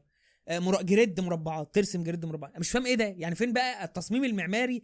والهندسة في ذلك يعني. دي مادة مادة تانية اللي هي التصميمات التنفيذية. نعمل ماكيتات ورق ونقعد بقى ال section عمال تجرب انت هو الماكيت هيقع ولا لأ؟ طبعا في بنات ما تعرفش كانوا حتى حتى العالم بيكسكس للبنات في العموم. البنت تعمل ماكيت بالورق تحط عليه كرسي خشب ما يقعش. انت تعمل ماكيت ورق تديله ظهرك يقع من غير ما تحط عليه أي حاجة. ومادة آه الله يرحمه بقى الدكتور كان بيدرسها. تخيل مادة ظل ومنظور اللي هو إزاي تلون وبتاع. واحدة واحدة الموضوع بيبدأ يبقى أغبى شوية. ان بيبقى في لوحة بترسمها في البيت ولوحة بترسمها في ال section. واللوحة اللي انت بترسمها في البيت هي هي بتاعت ال section. بس بتعيدها تاني مش عارفين بتعيد. وكمان مش عاجبنا. يعني كمان بنتشرط ومش عاجب. لوحة هترسمها بالرصاص وتحط فوقيها calque وترسمها بالحبر. ماشي؟ بس هو ده. واحدة واحدة انت نفسيتك بتبدأ ترتاح.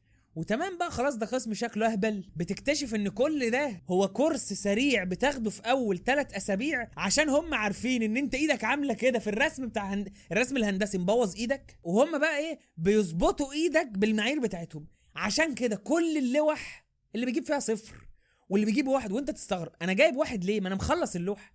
ما هو أعدادي أنت المهم آه، تخلص. أيوه صح. فتبص على اللوحة عامل لك كل نقطة حبر وقعت في غير مكانها عامل لك عليها دايرة ومنقصك عليها. هباب إيدك اللي انت بتخمس بيه. فبتكتشف ان بقى القفا الاولاني ان ده انت لازم الحاجة مش تجيب لها بودرة. ده انت. يعني إيه تعمل تدخل اللوحة صباه عشان ما يبقاش فيها اي حاجة. وانت بتفك اللزق اللي هو بيبقى من ركن اللوحة. السوكة بتروح البسبوس بتاع اللوحة ده بيتقطع. اتقطع من هنا هيقطعوك زيه. هتنقص عليه. فبتكتشف ان انت العبرة مش ان انت تخلص اللوحة العبرة ان انت ترسمها ترسمها بنظافة. بنقعد في الهلوسة دي أول ترم وأنت بتحس إن خلاص. بيبتدي تاني ترم ويقول لك إيه ده في course AutoCAD و course ال AutoCAD ده هو كان مدخلي إن أنا عرفت القسم كله. أنا ال AutoCAD زي ما قلت إحنا شغالين عليه من 2007 وبسطبه لأبوك وبعمل ال crack وبسرق البرنامج عادي يعني حاجات شغل غير شرعي. فلما قال لك في course AutoCAD بقى وأنتوا شوفوه خدوه من بعض. أنا معايا ال AutoCAD على ال lap يعني مش حوار. فبقى إيه word of mouth ده معاه AutoCAD وبيسطبه وبيعمل ال crack. وأنا كنت بحس إن أنا ساحر القبيلة. بخش أقعد يجي ال lap قدامي بوم طخ هق هق هق وإيه بقى الأنكا؟ حفظت ال serial بال product key ما من كتر ما عملته. فكنت إيه لما يجي حد كده كاتب ال serial يتجن وكنت أسرع واحد بيشتغل على ال AutoCAD. لأن أنا إيه ما أنا بشتغل عليه من وأنا طفل. لما وصلنا سنة رابعة بقيت أنا أحمر واحد مش في ال AutoCAD في كل حاجة. أنا ال- الفسوخة بتاعت القسم كمثال لل... لل... مش للشرف والنزاهه للفشل والبكاسه كنت كنت أنا. بيحصل شيفت بس أنا حاسس إن أنت عايز تقول حاجة. بس هو يعني الشيفت أنا بقى بجد إيه؟ إن يعني الملخص بتاع اللي أنت بتقوله ده إن أنت عشت فيلم بالألوان الطبيعية. حقيقي اتجوزتوا بعض بالدم ولا لسه؟ هو حاجة شبه كده بس يعني هما لا حاجة شبه كده. إيه ركز. حاجة شبه لا ما اتجوزناش بعض بالدم طبعا. بس هو حاجة شبه إيه؟ مفيش بقى مادة وامتحان ومنهج و في دكاترة كفرة؟ ملحدين. استشعرت بعض شم جينات شم الكلة والقومجة في بعض الدكاترة؟ استشعرت بعض اللبرلة في بعض الدكاترة بس ما كانش حد بي بيصرح يعني إحنا عندنا في مدني لو في حد ملحد مش هتلاقيه مثلا من ملحد. هتلاقيه اللي هو الكافر بتاع قريش هو شكلكم لايق عليه كده مدد. آه. وبتاع وكما قال عفت المواد دي دي توحش توحشوا. كل مادة كانت بسيطة قررت تاخد حقها المادة اللي هي كنا بنرسم فيها لوح كده drafting رسم بس فجأة بقى اسمها تصميم معماري وبقى مطلوب منك مشاريع. المادة اللي كنا بنروح إيه شايل 60 ورقة A4 في ظهري و UHU ولزق و double face عشان نعمل ماكيت ومش فجأة بقى اسمها تصميمات تنفيذية وبقت مادة بنت كو... ال- الظل والمنظور والح... كل الكلام ده اختفى وجه مكانه مواد مدني وبقى تجربة الدراسة في هذا القسم جحيم بالألوان. عشان بس إيه ما نقعدش أرغي كتير على دماغ الناس بكلام هم مش مهتمين إن هم يسمعوه. بتكتشف بقى إن أصل قسم عمارة مادتين تصميم وتصميم تنفيذي. التصميم بيجاوب على سؤال ليه؟ وده السؤال اللي بيسألوه لك الدكاترة ليه؟ فمش أي حاجة هتعملها شكلها حلو أو عجبتك تقول لهم آه أصل أنا عجبتني. مفيش الكلام ده. ادي إجابة منطقية لإجابة سؤال ليه؟ دي مادة التصميم. التصميم التنفيذي بتجاوب على سؤال إزاي؟ وبقية المواد باللي في مدني باللي غير مدني بيخدموا عليه بيخدموا عليهم.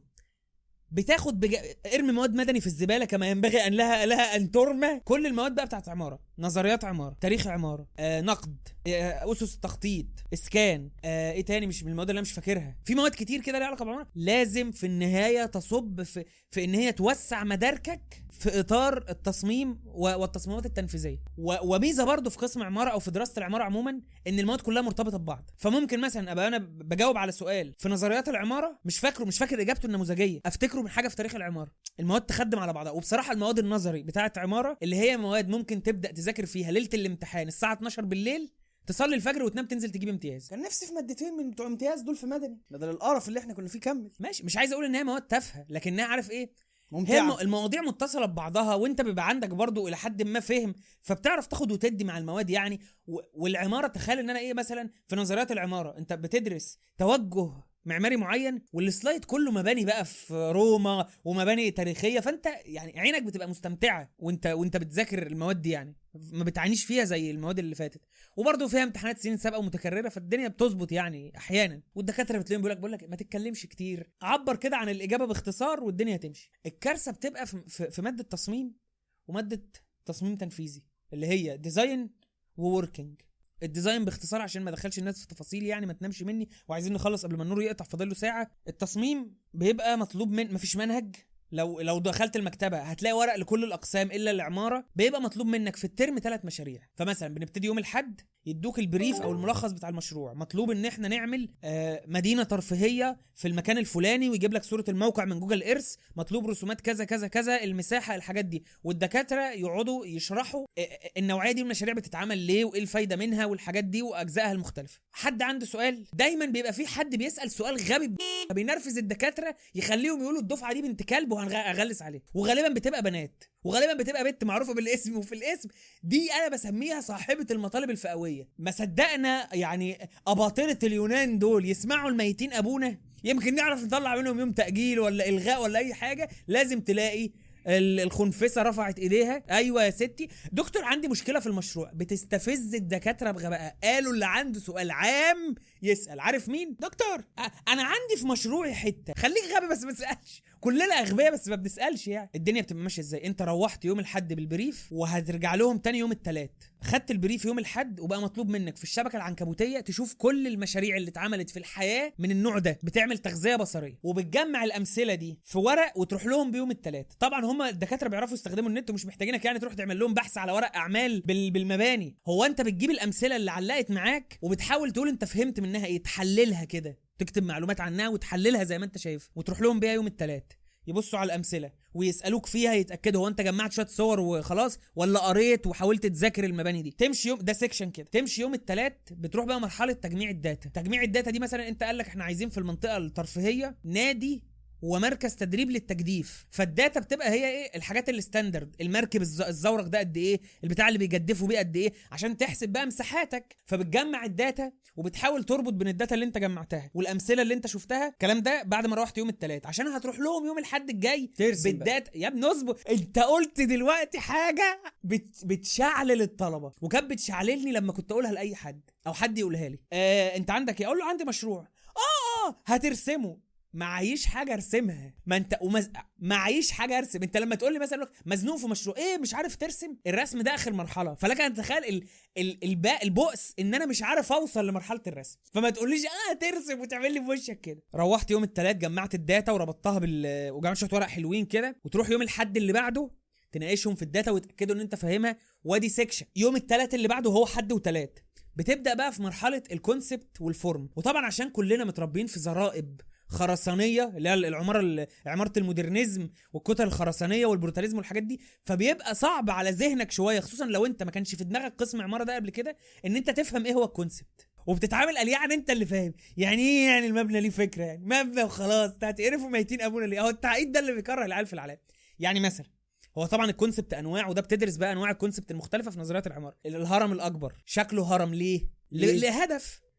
انه مثلا بي- بي- بيبص لفوق وبينظر أنتنة- للسماء. انتنة لا مؤاخذة مسلة تحت الأرض. آه دخلنا بقى في شغل النظريات.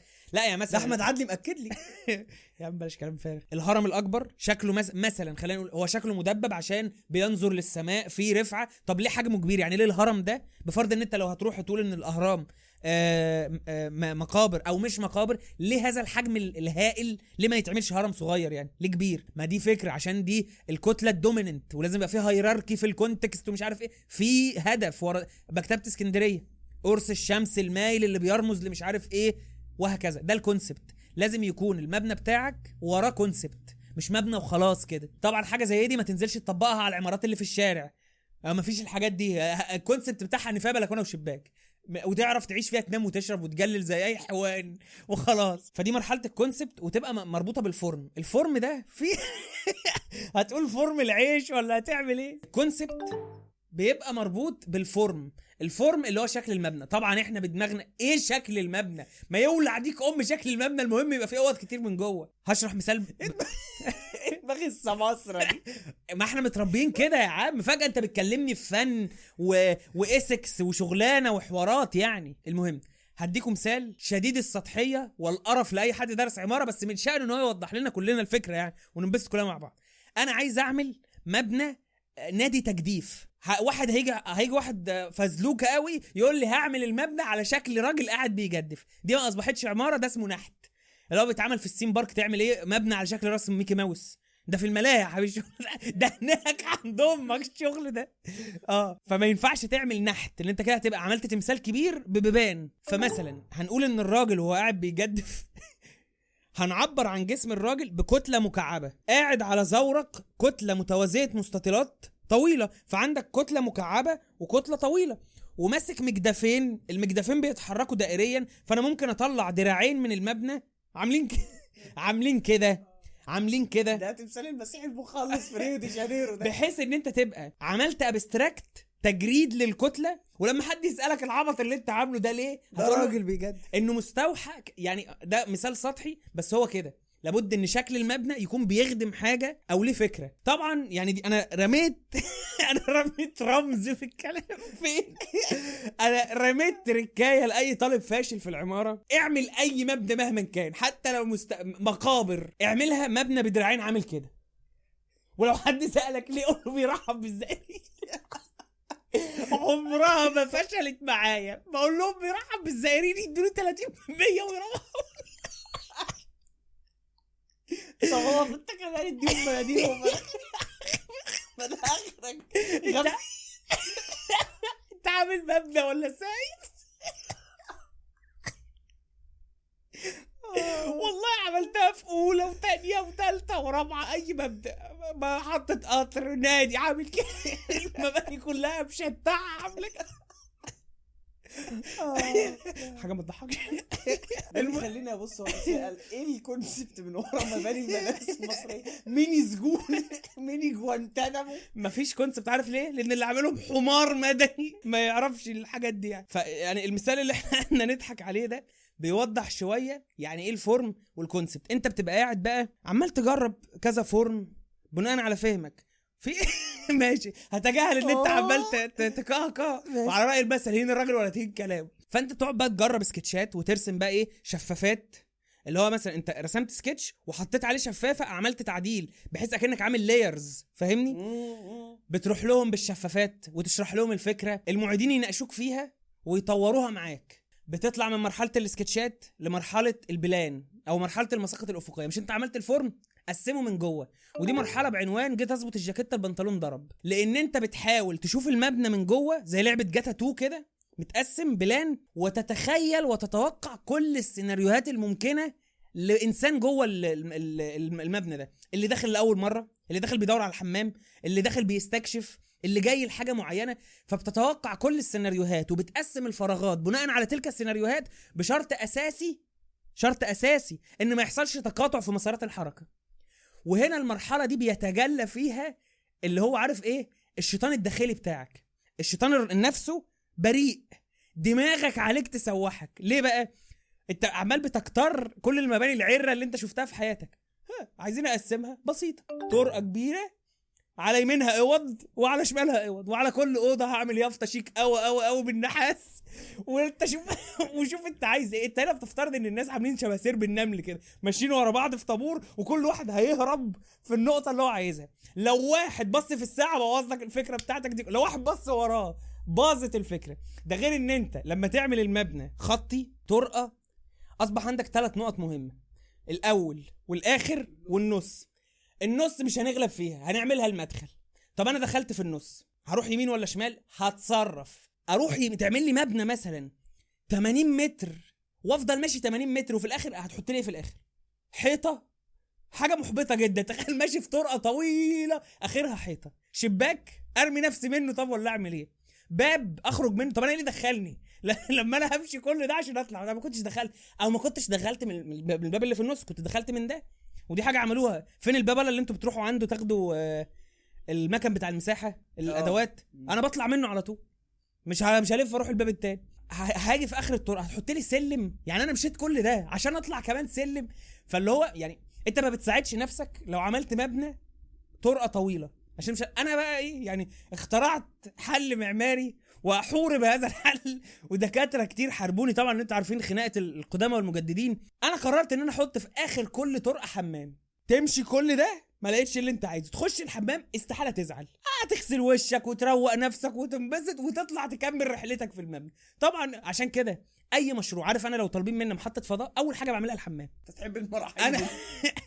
أنا موهوب في, في تقسيم الحمامات وحمام ال handicap وحمام الرجاله غير حمام الستات والصرف والحاجات دي. بعد كده مش هتفرق معايا محطة القطر من محطة الفضاء. مش فارقة. أي حاجة هتصرف يعني. بتطلع من مرحلة المسقط الأفقي ال plan بتوريهم البلانات يطلعوا لك الأخطاء. بالمناسبة فجأة بتلاقي ال plan جاله بهاء. يعني إيه جاله بهاء؟ فجأة في حتة في المبنى فاضية وما لهاش شكل. يعني مثلا هي مش دايرة هي مش مربع. هي حتة عاملة شبه البقعة فاضية. الشيطان بيجي لك مش مش بيجي لك في دماغك بيجي يقعد لك على ال keyboard. يقول لك طب ما دي حلوة دي. الناس هتقف فيها. عم... فتلاقي نفسك إن أنت في قلب المبنى عملت ميدان. ولما بتيجي بتعمل ال 3D بتجيب ناس موديلات عبيد واقفين في الميدان ده. ما بيعملوش حاجة غير إن هم واقفين. ويسألوك يسألوك في في في, في الشفوي إيه الفراغ ده كله؟ مكان. الناس تقف فيه. الأنكى حط قبة فوق المكان. ما هو إيه المكان؟ تخيل جبت جبت برواز لصورة مش موجودة. أنت بتعمم إيه؟ طب أقول لك حاجة حلوة؟ أنا هشيل السقف فوق الحته دي واخليها منها للهواء يعني كمان الناس بقت واقفة وكمان واقفة في الحر. إيه هو المكان؟ برضه ما فهمناش. كشك كلب طيب ولا إيه؟ ودايما بيطلع في نص ال plan اوض لا فيها شباك ولا بيبان. لا ليها هوا ولا ضوء ولا اي حاجة. ب... ب... بتعمل ب... توابيت واقفة في الم... في المبنى. بتطلع من المرحلة دي. ده بفرض انك طلعت منها على رجلك. بتخش في مرحلة ال... ال sections أو المقاطع اللي هو القطاع الرأسي بقى. بتبين هو المبنى ده كام دور؟ ارتفاعاته عاملة إزاي؟ في حتة كابولي. بشاميل يعني. بشاميل. لما تقطع التورتة بتشوف الطبقات بتاعتها فانت بتقطع المبنى وبتشوف طبقاته بقى. عندك حتة كابولي عندك حتة داخلة فارقه عن حتة بتبين كل ده. بتخلص مرحلة ال sections بعد ما يناقشوها معاك وتخش في مرحلة ال 3D ال 3D والمفروض إن أنت يبقى عندك مهارة مسبقة في برامج ال 3D زي ال 3D Max أو ال- ال SketchUp self study يابا. كله self study بتخلص مرحلة ال 3D بيبقى معاك بلانات واجهات sections سكتشات انت راسمها concept صور 3D مطلوب منك تعمل بيها إيه؟ تحطها في لوحة بال Photoshop. دي حطها الحاجة في لوحة. الوحيدة اللي كنت بتفلح فيها. والله آه. أنا كان عليا لوحة توقف المكتبة على رجل. أبقى باعتها من عجمه الطبع وأنا مست... سوبر ستار جاي يستلم اللوحة. عشان تيجي معيدة تقول لي ليه مش عاملها بيضة؟ ما كل اللوح بيضة يا بيضة. أنا عامل لوحة يعني إيه؟ كان في علاقة بالمراكب فكنت عامل اللوحة أكنها خريطة آه، قرصان. قرصان. كانت جميلة جدا يعني في سنة 2017 لوحة ليها العجب يعني. فبقى معاك شوية رسومات لازم تحطها في لوحة. فبتعمل layout وتسلم اللوحة. قد يبدو ليك بالمراحل اللي أنا عديتها دي إن أنت بتطلع من مرحلة للتانية مرحلة للتانية. مفيش حاجة اسمها كده. أنت التسليم بكرة وأنت لسه في مرحلة الفكرة. لا معاك فكرة ولا بلانات ولا أي حاجة وبتبدأ عك أي حاجة وخلاص المهم الصبح الساعة 9 يبقى في لوحة في في الكلية. الموضوع مش بيبقى ماشي بالتنظيم ده. طب ما أعملش أصلا. هو هو تسليم مزاجك يفوت ولا حد يموت. لا ما مفيش تسليم يفوت. أنت عارف أنت عارف لو نجح في كل المواد وسقط في التصميم هتعيد. إحنا عندنا هو تسليم واحد اللي بي... اللي بتعرف تعمله وخلاص. ف...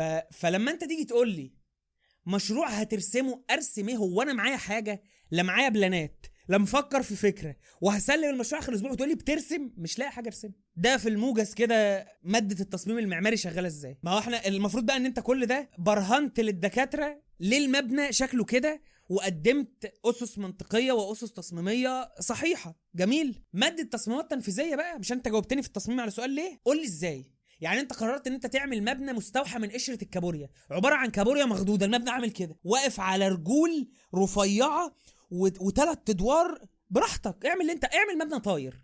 مش واقف على حاجة طاير كده مع نفسه. شريطه ان نفس المشروع ده السنة الجاية في مادة التصميمات التنفيذية. هتقول لي بقى يتعملوا إزاي؟ في مسابقات معمارية بيكسب فيها مباني خنفشارية وتيجي المسابقة تتنفذ لا المبنى ده استحالة يتعمل. يعني أو مثلا عشان يتعمل هيتكلف قد ميزانيته 10 15 مرة. قول لي إزاي؟ فده بيتطلب منك إن أنت تكون على دراية بأنظمة الإنشاء والتشطيب وتروح تسأل وتجيب كتالوجات وتعرف مثلا الشركة دي بتعمل سيراميك كذا فرز كذا مش عارف إيه. عشان المشروع اللي هتاخده هتعمله عدد غير محدد من اللوح. 60 70 30 20 أي عدد من اللوح أديها العامل ما يعرفش أي حاجة يطلع المبنى زي ما هو. فأنت كل تفصيلة هبلة في المبنى بترسم لها لوحة. مفصلة دولاب المطبخ ليها لوحة. مفصلة الشباك ليه لوحة. الشباك ليه لوحة. الأكرة بتاعت الباب ليها لوحة. آه ناهيك طبعا لو عندك عزل وصرف والحاجات دي. بيبان وشبابيك عزل وصرف. الرصيف بتاع المبنى ليه لوحة وليه مواصفة معينة. السطح آه، آه، تشطيب الواجهة التشطيب الداخلي الأسقف الأسقف الساقطه آه، عامل باركيه عامل رخام عامل مش عارف إيه. كل تفصيلة في المبنى تتكتب لي بالمقاسات وتترسم بتتركب إزاي. دول أكبر مادتين في عمارة. بياكلوا وقت وبياكلوا مجهود مش في التسليم. ولكن في الخطوات اللي حوالين التسليم حط عليهم شوية مواد نظري حط عليهم مواد بتوع مدني وهو ده قسم عمارة. أنا اتكلمت بقى لي بتاع 50 دقيقة و عشان محدش يقول بقاطع أهو. فالاصمت للأبد بقى خلاص. عشان بس يقول لك مفيش رياضة وفيزياء أديك عرفت يا أخويا اللي فيها. ويعني لو في رياضة لو في رياضة وفيزياء يعني. إيه؟ أنت مع دول مش مستحملة والله اليوم مش مكفي. أنا بتكلم اللي هو إيه أنت حابب ليه يعني؟ ما بلاش عم حلوة الرياضة والفيزياء. أنا مش هرجع على قسم مدني لأن الناس مالهاش طب اللي داخل تجارة ده ذنبه إيه؟ يقعد يسمع كل ده. أنا قلت في البداية مشكلتنا إن مفيش دراسة متعمقة لأي حاجة ومن كل فيلم أغنية وأنت بقى اتخرج أنت وربنا يكرمك تشتغل في أي حاجة. بس يعني أكتر حاجة كانت بتضايقني في القسم أنا لازم أتكلم يعني معلش. ودي رسالة بوجهها لكل معيدين قسم مدني من كل الدفعات في كل الهندسات لو فيكم العاده الوسخه دي. قسم مدني معتمد على نوع من أنواع البصمجة. بس مش بصمجة احفظ وتف. بصمجة إن ال- الفكر الدرس ده فيه ست سبع أفكار مسائل ممكن سيادتك تحل أكبر قدر ممكن من المسائل والمسائل المهمة تبصمجها. هتخش الامتحان هتلاقي شبهها بس أنت راجل تلاحق على الأفكار. مين اللي بيدينا المحتوى؟ المعيدين والورق. تلاقي المعيد من دول ينزل لك مذكرة الشرح 40 ورقة 30 ورقة يقول لك هنحل في الآخر هنحل في الآخر. تيجي في الآخر حلك كله مسألة من الشيت مسألة مش عارف إيه.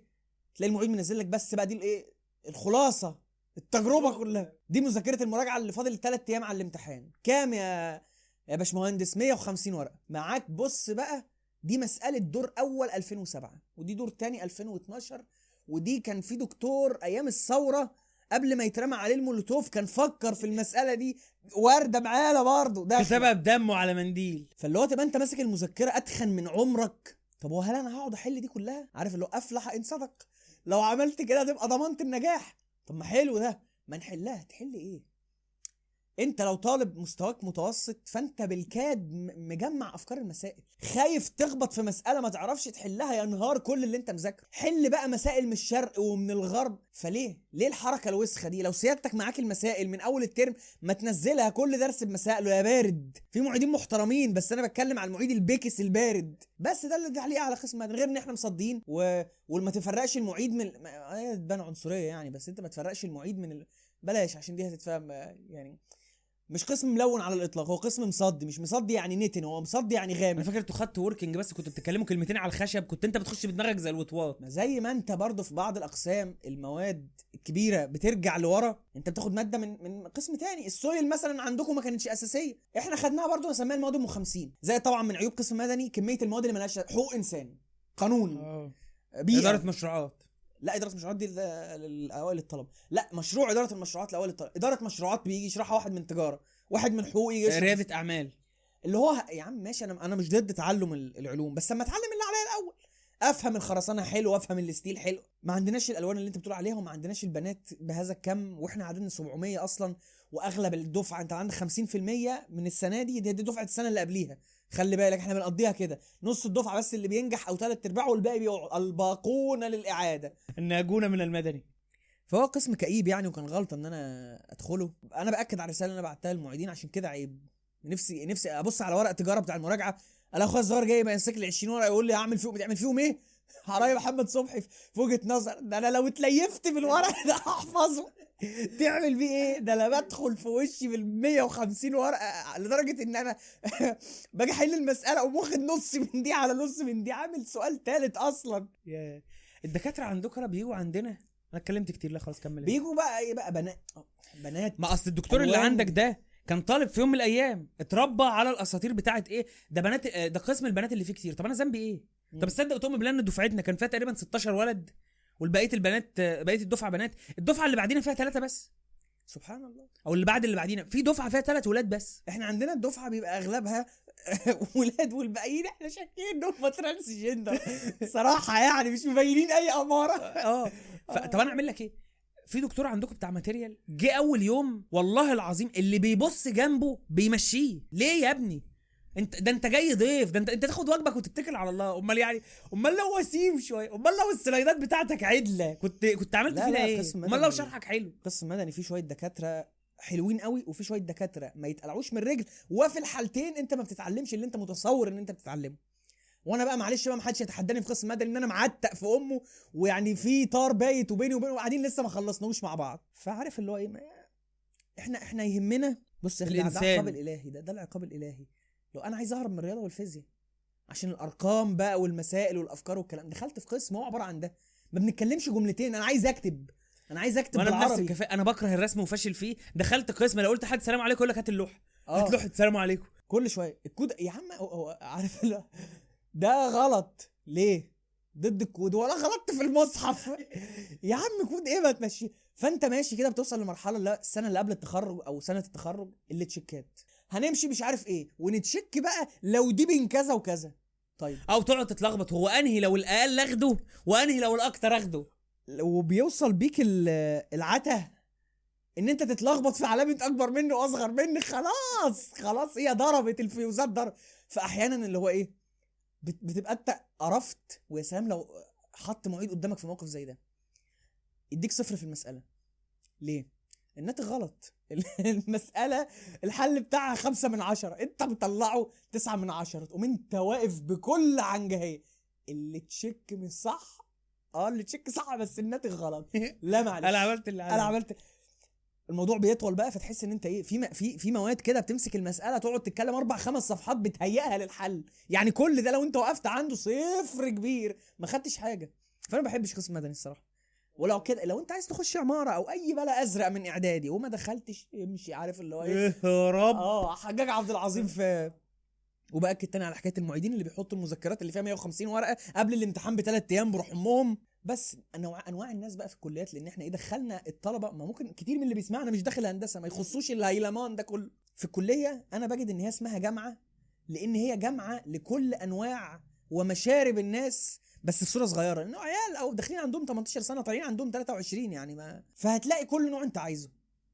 هتلاقي السلفي هتلاقي الملحد هتلاقي محانيك السينما. أنا قابلت الشاذ قابلت ال- ال- ال- الافرو بل إن. هندسة هندسة اسكندرية كان فيها واحد واد شاذ كبير وطلع اللي هو مش عارف سافر بره وبيعمل عملية تحول والناس كانت متابعة عملية تحوله يوم بيوم بس أنا ناسي اسمه. آه، آه، side note مفيش حاجة في الدنيا اسمها عمليات تحول ده فتش آه، راح زرع نهود باين ولا ايا كان اللي ده من عندنا في هندسة اسكندرية. واللي عايز يغني واللي عايز يمثل واللي بيحب الأفلام وال queer وفيها كل أنواع الناس. سبحان الله اجتمعوا في أربع سنين أو خمس سنين أو سبعة لو أنت طب أو سبعة لو أنت هندسة زي كده. شوف بقى أنت سيادتك هتتعامل مع كل واحد من دول إزاي. وتبعد عن مين وتقرب من مين. الذكاء في إيه بقى؟ إن أنت مفيش مشكلة إن أنت يبقى عندك صحاب من كل دول. إلا الشاذ طبعا. ممكن بقى نعمل شوية آه، نماذج سطحية نضحك عليها من كل من كل حاجة من دي؟ ولا كده يزعلوا مننا؟ ما ليه زعلك يعني؟ أنا مش إحنا مش مش هنقول حد باسمه بس أنا مثلا كان بيستفزني جدا اللي هو إيه أنا بسميه علاوي وده ملوش علاقة بعلاوي ال YouTuber يعني. علاوي جاية من التعلية. في ناس أنا اتعاملت معاها في الكلية اللي هو لو قلت له أنا متضايق شوية أنا مكتئب. قلت له أنا متضايق هو أنا مكتئب. طب تقول له أنا مكتئب أنا انتحرت أنا مش هنا أنا في مكان أحسن ايش دلوقتي. هنا؟ أنا هنا ماتت. أنا ماتت. تقول له أنا ظهري وجعني أنا ظهري ما بينيمنيش. آه أنا عندي دوالي خصية. أنا عندي ورم في البروستاتا. هو بتحسه جاي النهارده عشان يعلي عليك في كل حاجة. ولازم يعمل أورا من العمق ومن المضايقة وإن هو دايما ليه طريقة خاصة. يعني تبقى أنت بتتكلم في حاجة لو ما حولش الكلام عليه بأي شكل من الأشكال تستغرب. أنا بسميه اللي هو إيه ده حاجة في علم النفس طبعا أنا اللي هضيفها اسمها اضطراب الشخصية النجفية. جاية من نجفة. هو لازم في القعدة يبقى ملعلط كده. عارف اللي هو العفش كله على الأرض النجفة الوحيدة اللي متشعلقه فوق وبت- وبتبرق. لازم يبان ولازم يحول الكلام عليه. تقول له مثلا إيه أنا والله المادة دي كانت حلوة معايا. لا يقول لك لا المادة دي حلوة معايا. هو أنت يا ابني جاي تخالف ما ينفعش تصدق. يعني تقول لا لا لا تمام يا صاحبي جميل. لا ما يقولش كده. أنا بقى كذا. لازم يعلي عليك وخلاص ده كان بيستفزني جدا. الشاب الملتزم لازم يلبس قميص كراهات بكم واسع حتى لو هو رفيع. والله لو بيج رامي هتلاقيه لابس نفس ال- اللبس مع البنطلون القماشي اللون واحد والجزمة السوداء وشنطة جلد شكله بيبقى معيد أكتر من المعيد نفسه ودكتور أكتر من الدكتور. ولما تتكلم معاه أنا عندي شوية فقه بخمسه ساغ معرفش فين النص اللي بينص إن أنت عشان تلتزم لازم تاكل الكلام بسرعة. الكلام ما بيقعدش. والمدح مفيش حلو مفيش كويس مفيش الله ينور مفيش الله على هي حاجة واحدة هنشيل كل ده ونحط حاجة واحدة. تقول له دي يقول لك دي طيبة جدا. طب ده ده طيب جدا. ومش طيبة ومش طيب طيبة جدا. فعارف اللي هو ليه؟ المشكلة مش هنا. المشكلة إن أنت لما تيجي بقى تتعامل مع أجيال زي اللي جاية الجيل اللي جاي مواليد ما بعد 2003 والعيال دي أول ما تفتح بقك بالنسبة لهم خلاص أنت خسرت النزال أو نص النزال كده. طب وليه؟ أي انتماء ل style معين وخلاص. عندك مش محانيك الأفلام وعشاق الأفلام عيال تحسها عايشة في 2009 معاها فلاشة وعايز أفلام أجنبي. وإحنا في سايبر في الكلية بين المحاضرات في ألف... كنا في 2016 لا إحنا أنا حضرت اللي هم بيملوا ال hardات. آه حلوة نقطة مالي ال hardات دي اللي هو بقى أنا ليه ما بقولش عليهم محانيك الأفلام؟ مفيش. أنا مش جاي أنقي أفلام سينما حقيقية ولا بقى؟ يا عبي يا عبي عارف؟ أيوه بيتفرج عليهم بالك كده. آه قاعد أنت بتعمل إيه؟ أنا قاعد بتفرج على أفلام مسلسلات وتلقطهم في المشاريع. هو دول أغلبهم بيبقى ما هو م- مش جاي اسكندرية؟ أو يعني مش من اسكندرية وبيبقى قاعد في سكن الطلبة اللي هو غير آدمي والس... لح- في أسطورة كده بتقول لك أنت لازم تخش كلها تجيب لابتوب. ليه؟ يعني أنت بتاخد مواد شديدة البدائية ولسه شغالين على الورقة والقلم والسبورة بالتباشير وال PDF في بال... التليفون. مش بال white board يعني. فتلاقيه جاب لابتوب وقاعد بقى لوحده في محافظة غير محافظته فبيتفرج على أفلام. بس أنا قابلت في في, في عمارة لا اللي بيحب الأفلام ويتفرج عليها بس هو من هنا برضه. ما أنا بقول لك ده غير محانيك السينما. ما أعرفش وأنا بتكلم ليه عليهم. افتكرت الراجل بتاع المقلة وهو حاطط القرطاس في الحمص وعمال يعمل كده. عبي؟ ما أعرفش والله هي الخاطرة جات لي كده بيجي لي أفكار غريبة بعد الأكل وبعد قطع النور. حط كل حلو ووحش وأمريكاني وأوروبي وعربي افشخ لي الدنيا املأ لي ال hard. فدي برضو فئة هتلاقيها. مهما طال الزمن وتطورت الدنيا هتلاقيها. هتلاقي برضو الملحد. بقى معروف. وفي بقى غير الملحد الإيه؟ العيل الإيه؟ أهو ده تلاقيه مخلط كذا حاجة. يعني يقول لك طيبة جدا في نفس الوقت تلاقيه خارج من الجامع شوية وتلاقيه عامل man bun ودقن شعثه زي ما انت قلت مش عارف الحلقة دي ولا الحلقة اللي فاتت مش ريحته سجاير كأن حد مولعه هو. شوية وتلاقيه بيسب الدين. حبة تلاقيه مع الجماعة بتوع المسلسلات. ما تفهمش ده إيه ده ده زيبق. ما عمال بيبقى بيكتشف ذاته. بس أنا يمكن قابلت في الكلية ولا, ولا, ولا ليه الغرابه يا أخي. وأنا ما أعرفش كنت بعمل إيه يعني. كنت باجي لكم آكل مال يتيم. في عيل آه، افتك في زميلي يعني مش عيل طبعا راجل كبير دلوقتي. راجل كبير. عيل كبير يعني. آه، أفتكر في أول إفطار حضرته في الكلية تقريبا كان سنة 2017 وإفطار الكلية ده حاجة أنا مواظب عليها كل سنة حتى بعد ما اتخرجت. يعني بروح. ولازم تبطل تعملها. لأن الاكل ليه، الأكل. سيء جدا والأجواء دمها تقيل بس بس يعني مفيش حاجة مفيش وسيلة تطلعه حلو. اتفضل اتكلم على العيل الكبير. آه. فقاعدين قاعدين عادي وأنا صايم والله يعني بصوم رمضان من زمان. مش حاجة جديدة يعني. فبيقول لي سمعت الأذان؟ أنا ما سمعتش الأذان. فقلت له لأ.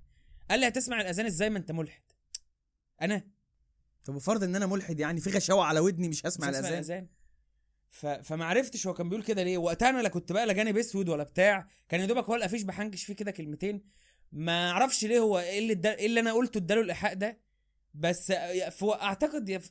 في 2016 كده وأنت ال... عارف لما تكون إيه لا مؤاخذة؟ مش هقول لا مؤاخذة. لما تكون في الساونا وتطلع في الاسكيمو فبتتبستر كده شوية فبتهبل شوية في الكلام. فأعتقد إن أنا هبلت شوية في سنة 2016 كده. الكلام بقى بتاع العلمانيه الحل والاتحاد سيد البلد والحاجات دي وال أنا أي حد يخش معانا نقاش يقول لي العلمانيه الحل أقول له اتحاد سيد البلد على طول. متصدر لا تكلمني على طول. ولازم تعتذروا على الغزوات ولازم تعملوا مش عارف إيه والشبهات المعتادة. لو أفتح الدرج أجيب لك لستة الشبهات كرتونة الشبهات المعتادة وبتاع. فبعد كده بقى لما الواحد بي يعني بيغسل بي- بيستحمى من القرف ده آه، ما شفتش ملحد في الكلية على شيء يعني. شو قابلت عيال وقعدت معاهم على القهوة آه، آه، الملحد اللي ملحد عشان شكله وحش. هو شايف نفسه قبيح. فأنت مثلا بتقول له لقد خلقنا الإنسان في أحسن تقويم. بيبص لنفسه في المراية يرجع أصلا. يقول لك آه أحسن تقويم؟ بجد والله. وهو هو ألحد لهذا السبب أو كره الدين لهذا السبب. في ال- الملحد اللي بيعاند أهله. وأعتقد إن أنا كنت كتير آه. ما كنتش ملحد بس عارف إيه؟ كان في أفكار كده إيه؟ أنا ببارز بيها أهلك وخلاص. بغزهم كده وخلاص بقض مضجعهم كده وخلاص. لكن حد فعلا على شيء لا. وبشوف دلوقتي بقى نماذج اللي هي مش دفعتي أو مش لا ده نماذج صغيرة مثلا 19 دلوقتي على النت يكون بينا أصدقاء مشتركين فأخش أشوف ال profile ألاقي العيل من دول. أنا بجد صعوبه في إن أنا أشوفه كإنسان. ده أنت يا ابني كتلة حيوية بنت بتطلع حرارة وآراء غبية وثاني أكسيد كربون. ثاني أكسيد كربون يعكر ماء الجير الرايق أراء غبية تعكر مزاجنا يا ابني فالعيال فيها في جهل والجيل اللي طالع ده عنده مزيج ما بين الجهل المركب واللي هو الجهل بحقائق الأشياء والثقة في نفس الوقت. ده الجيل اللي معتقد إن عشان معاه عدة لمس إيه عدة لمس ومعاه إنترنت فهو وصل للي محدش وصل له غيره. أو فهم حاجات أكبر من دماغ أهله وأكبر من دماغ ال- المدرسين والدكاترة بتوع فاكر ال post اللي انتشر الواحده بتقول لك النهارده آه، وقفت مع مستر التاريخ وقلت له إن. إن الدولة العثمانية كانت احتلال وال... والفتح العربي كان احتلال وحياة فخورة بنفسي قوي أو تنتشر postات. أنا عايزة في, أول date يكلمني عن انهيار الاتحاد السوفيتي ونظرية الأكوان الم... ليه يا بنت؟ اكلمك في ده ليه؟ هو عايز معاكي أصلا. مش مهتم بكل ده. ف أجيال أجيال آه، تعبانة بس ما عندهاش قناعة إن هي تعبانة. كل ابن شهر الأغنية بتاعت ويجز يقول لي أنا منحوس جيلي اتغرب جيلي عارف قيمته بره. إيه قيمتك جوه يا لما لما نشوف قيمتك بره يعني مش فاهم. فأجيال صعبة يعني. بشوف إن أنت يعني توجهك ايا يكن هو إيه. لو ركزت فعلا إن أنت يبقى عندك حجة وأنت بتتكلم هتوفر علينا كتير. وهيظل توجهك برضه. بس على الأقل نبقى بنتكلم مع حد كلامه منطقي شوية. بس أنا ما قابلتش شخص ملحد في, ال... شفتهم. شفتهم بعيد بس ما قابلتهمش. إحنا بي... بيغلب عندنا في. في الكفر المدني بتاعنا. أنتوا بقى في الحضر الغالبية العظمى الطغمة الكبرى في القسم. عارف؟ ال- ال- الاصطفه دي اسمها جينا الدنيا ما نعرف ليه.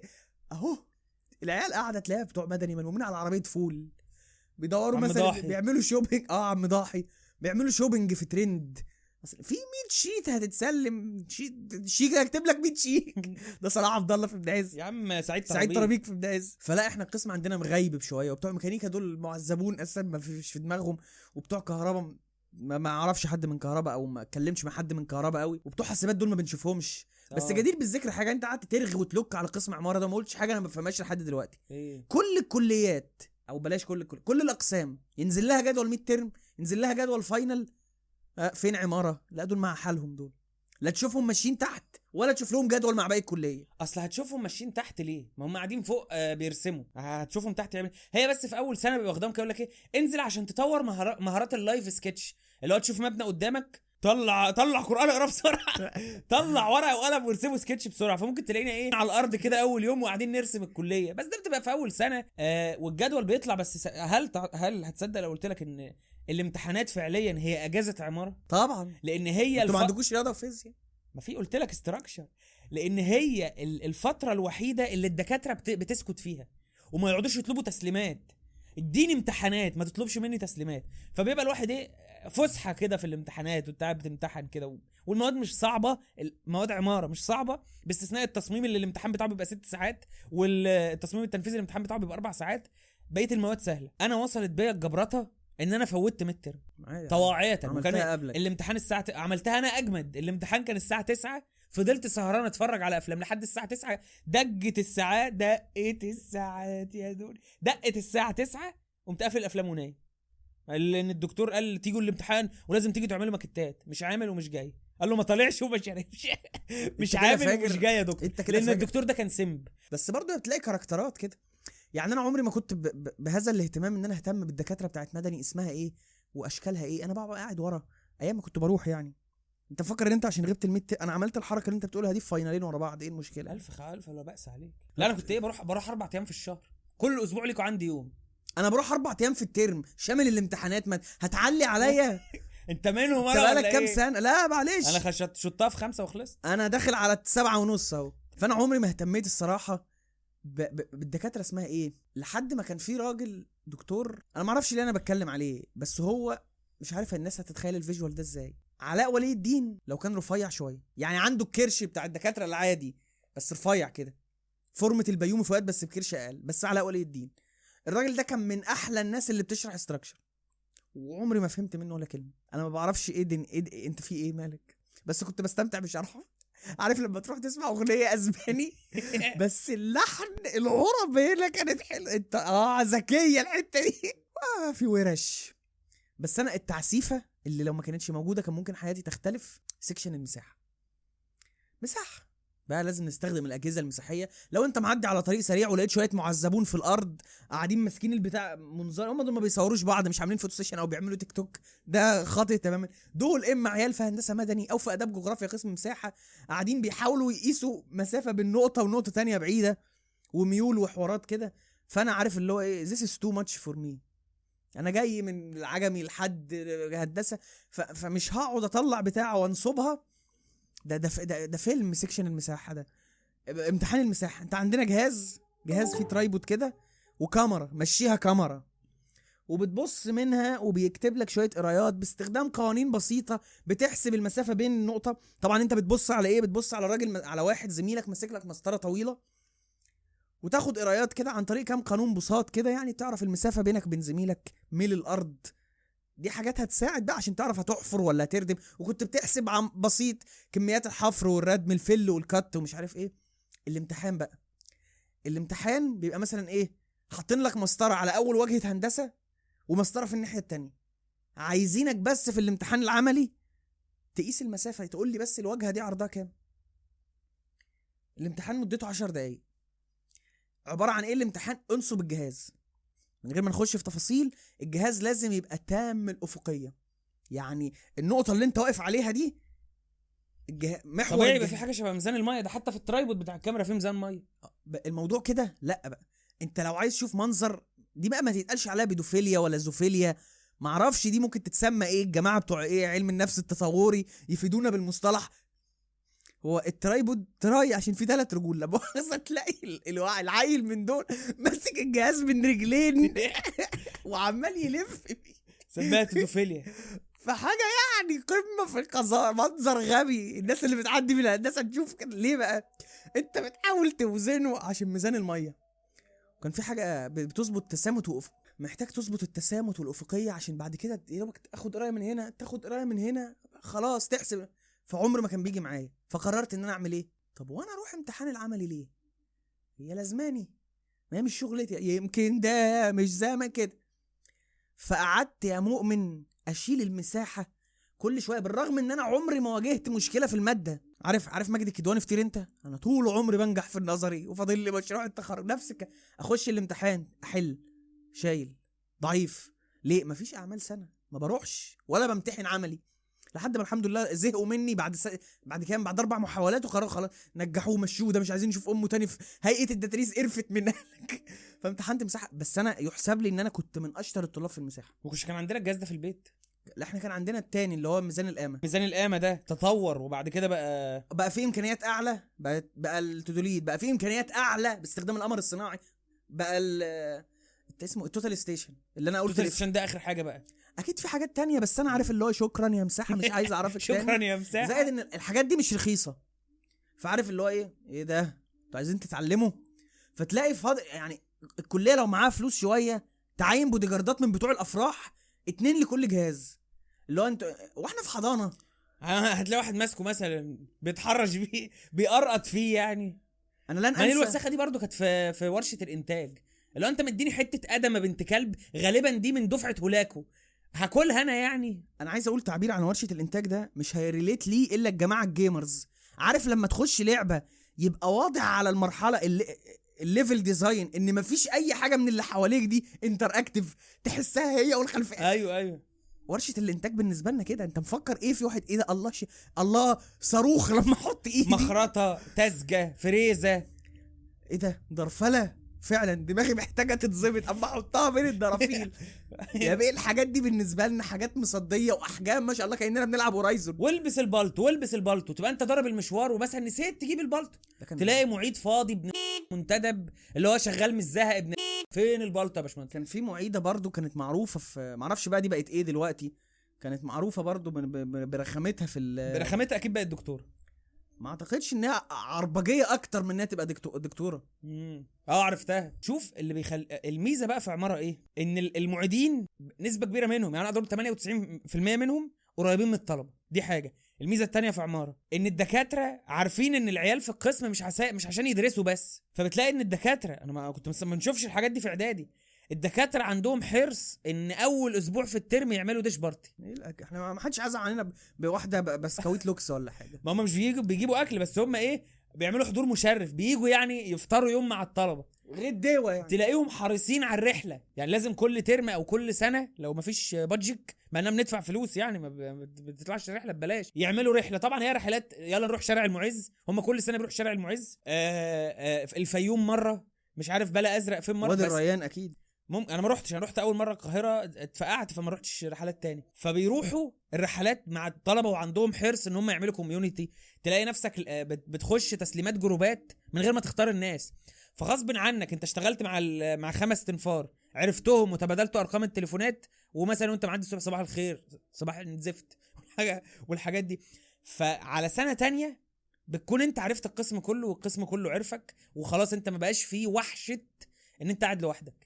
انت قاعد مع ناس لحد ما يجوا الناس اللي هم اقرب لك شوية فتستأذن دول وتروح تقعد مع دول واخد بالك؟ وبتمشي توزع صباح الخير. آه أنا كان اي حد بيقول لي صباح الخير؟ ما أعرفش بعمل reaction بعدها كده بيني وبين نفسي ما أعرفش ليه. اللي يقول لي صباح الخير أقول له صباح النور. أول ما يديني ظهري انت مريض. مش عارف. صباح النور. وبتاع. واحيانا كنت بصاب باكتئاب. ما أنا مش طايق بقى. أنا قبل مرحلة الاكتئاب. ده حصل موقف مش هتس... ه- هيحزنك ده بقى. الترم الأول في سنة أولى كان في مادة 3D Max. وأنا برضو بسطبه لأبوك وفاهم الدنيا اللي فيه يعني. وبحكم إن الواحد شغال free آه، lancer ماشين آه، فأنا ما عنديش مشكلة في تعلم البرامج. يعني ال 3D Max ده أنت هتسمعني ال basics بتاعته. مرة واحدة خلاص سيبني بقى. أنا شغال. إلا لو في tricks معقدة يعني. فكنت بقى إيه بعمل بصور للعيال ال tutorials وارفعها. الترم التاني كان إيه؟ Photoshop تخيل لما يبقى الحاجة اللي أنت شغال فيها هي مادة وهتمتحن فيها. فطبعا أنا كنت ولا بروح ولا بذاكر ولا أي حاجة والدكتور فعلا الدكتور مستواه سيء جدا في ال Photoshop. ولا وللغرابة شغله. الدكتور ده بيعمل آه، أعمال فنية تشكيلية بال Photoshop وأفيشات أفلام. كلها وحشة. هجيبه في قناة الافيش وأطلع عليه الدكتورة اللي في حق بقى لا بس هو فعلا لا لا لا, لا. لا وفعلا كان بيشرح Photoshop كلاسيكي. فأنا اللي هو إيه كان يقعد يشرح في المحاضرة العيال بتطلع دماغها مشبرة. يروحوا يلاقوا على ال group درس ثلاث دقايق اللي فيه. عايز ترسم كورة مثلا. مش مش مش حوار ولا حاجة. ويوم الامتحان أنا دخلت خلصت في 8 دقايق وطلعت. وفي السكاشن باشمهندس سار الله يمسيه بالخير قال ما حدش يسألني في حاجة؟ أهو عندكم أهو. فكنت أنا بمر بقى مثلا. وراجع مع ده وأصلح لدي وأعمل مش عارف إيه. وقبل. دي ما كله بنات. وقبل الامتحان اقعد اراجع لهم بقى. اللي يجيب لي اللابتوب دي بتتعمل إزاي؟ اعمل الازاز إزاي؟ بتعمل ازاز كده وكده. فاكتسبت شعبية شعبية كبيرة في القسم يعني من بعدها. وهل تعتقد ودي مش هتصدقها إن أنا في سنة أولى عمارة قاربت على الامتياز؟ يعني جبت جيد جدا تقدر جيد جدا مرتفع. من بعد أولى عمارة. والله ما شميت الجيد لحد ما اتخرجت. ليه؟ وصلت لمرحلة من الخنقة. القسم متعب. طلباته كتير. لما بيجي لك notification قامه زفت بالنشر في اطرام منيل group الدفعة ده معناه إن في تسليم ولا في sheet ولا في زفت بلا أزرق ولا وأوسخ حاجة في الدنيا. تبقى أنت مضغوط في المواد الكبيرة يطلع لك مادة صغيرة زي الخازوق كده يا دكتور أنا عايز أعمل presentation يا وليه ما حدش فاضيلك يا وليه؟ طب روحي وتعالي تاني. يعني روحي تعالي الترم الجاي نعمل لك اللي أنت عايزاه. فوصلت لمرحلة سيئة ما بقتش أروح آه وما بقتش أحضر. فتحولت من واحد كان في سنة أولى بيساعد الدفعة وبيشرح لهم حاجات وبجتهد وبعمل مشاريع وبتاع وقربت على الامتياز تانية مقبول بالعافية في كل المواد إلا طبعا المواد النظرية لأن أنا كنت بحبها يعني أو هي سهلة. تالتة أنا قبل ما ما يمنعوا الدراسة كورونا بثلاث أيام أنا كنت واخد القرار إن أنا هطلع من الكلية بعد برزنتيشن هطلع من الكلية.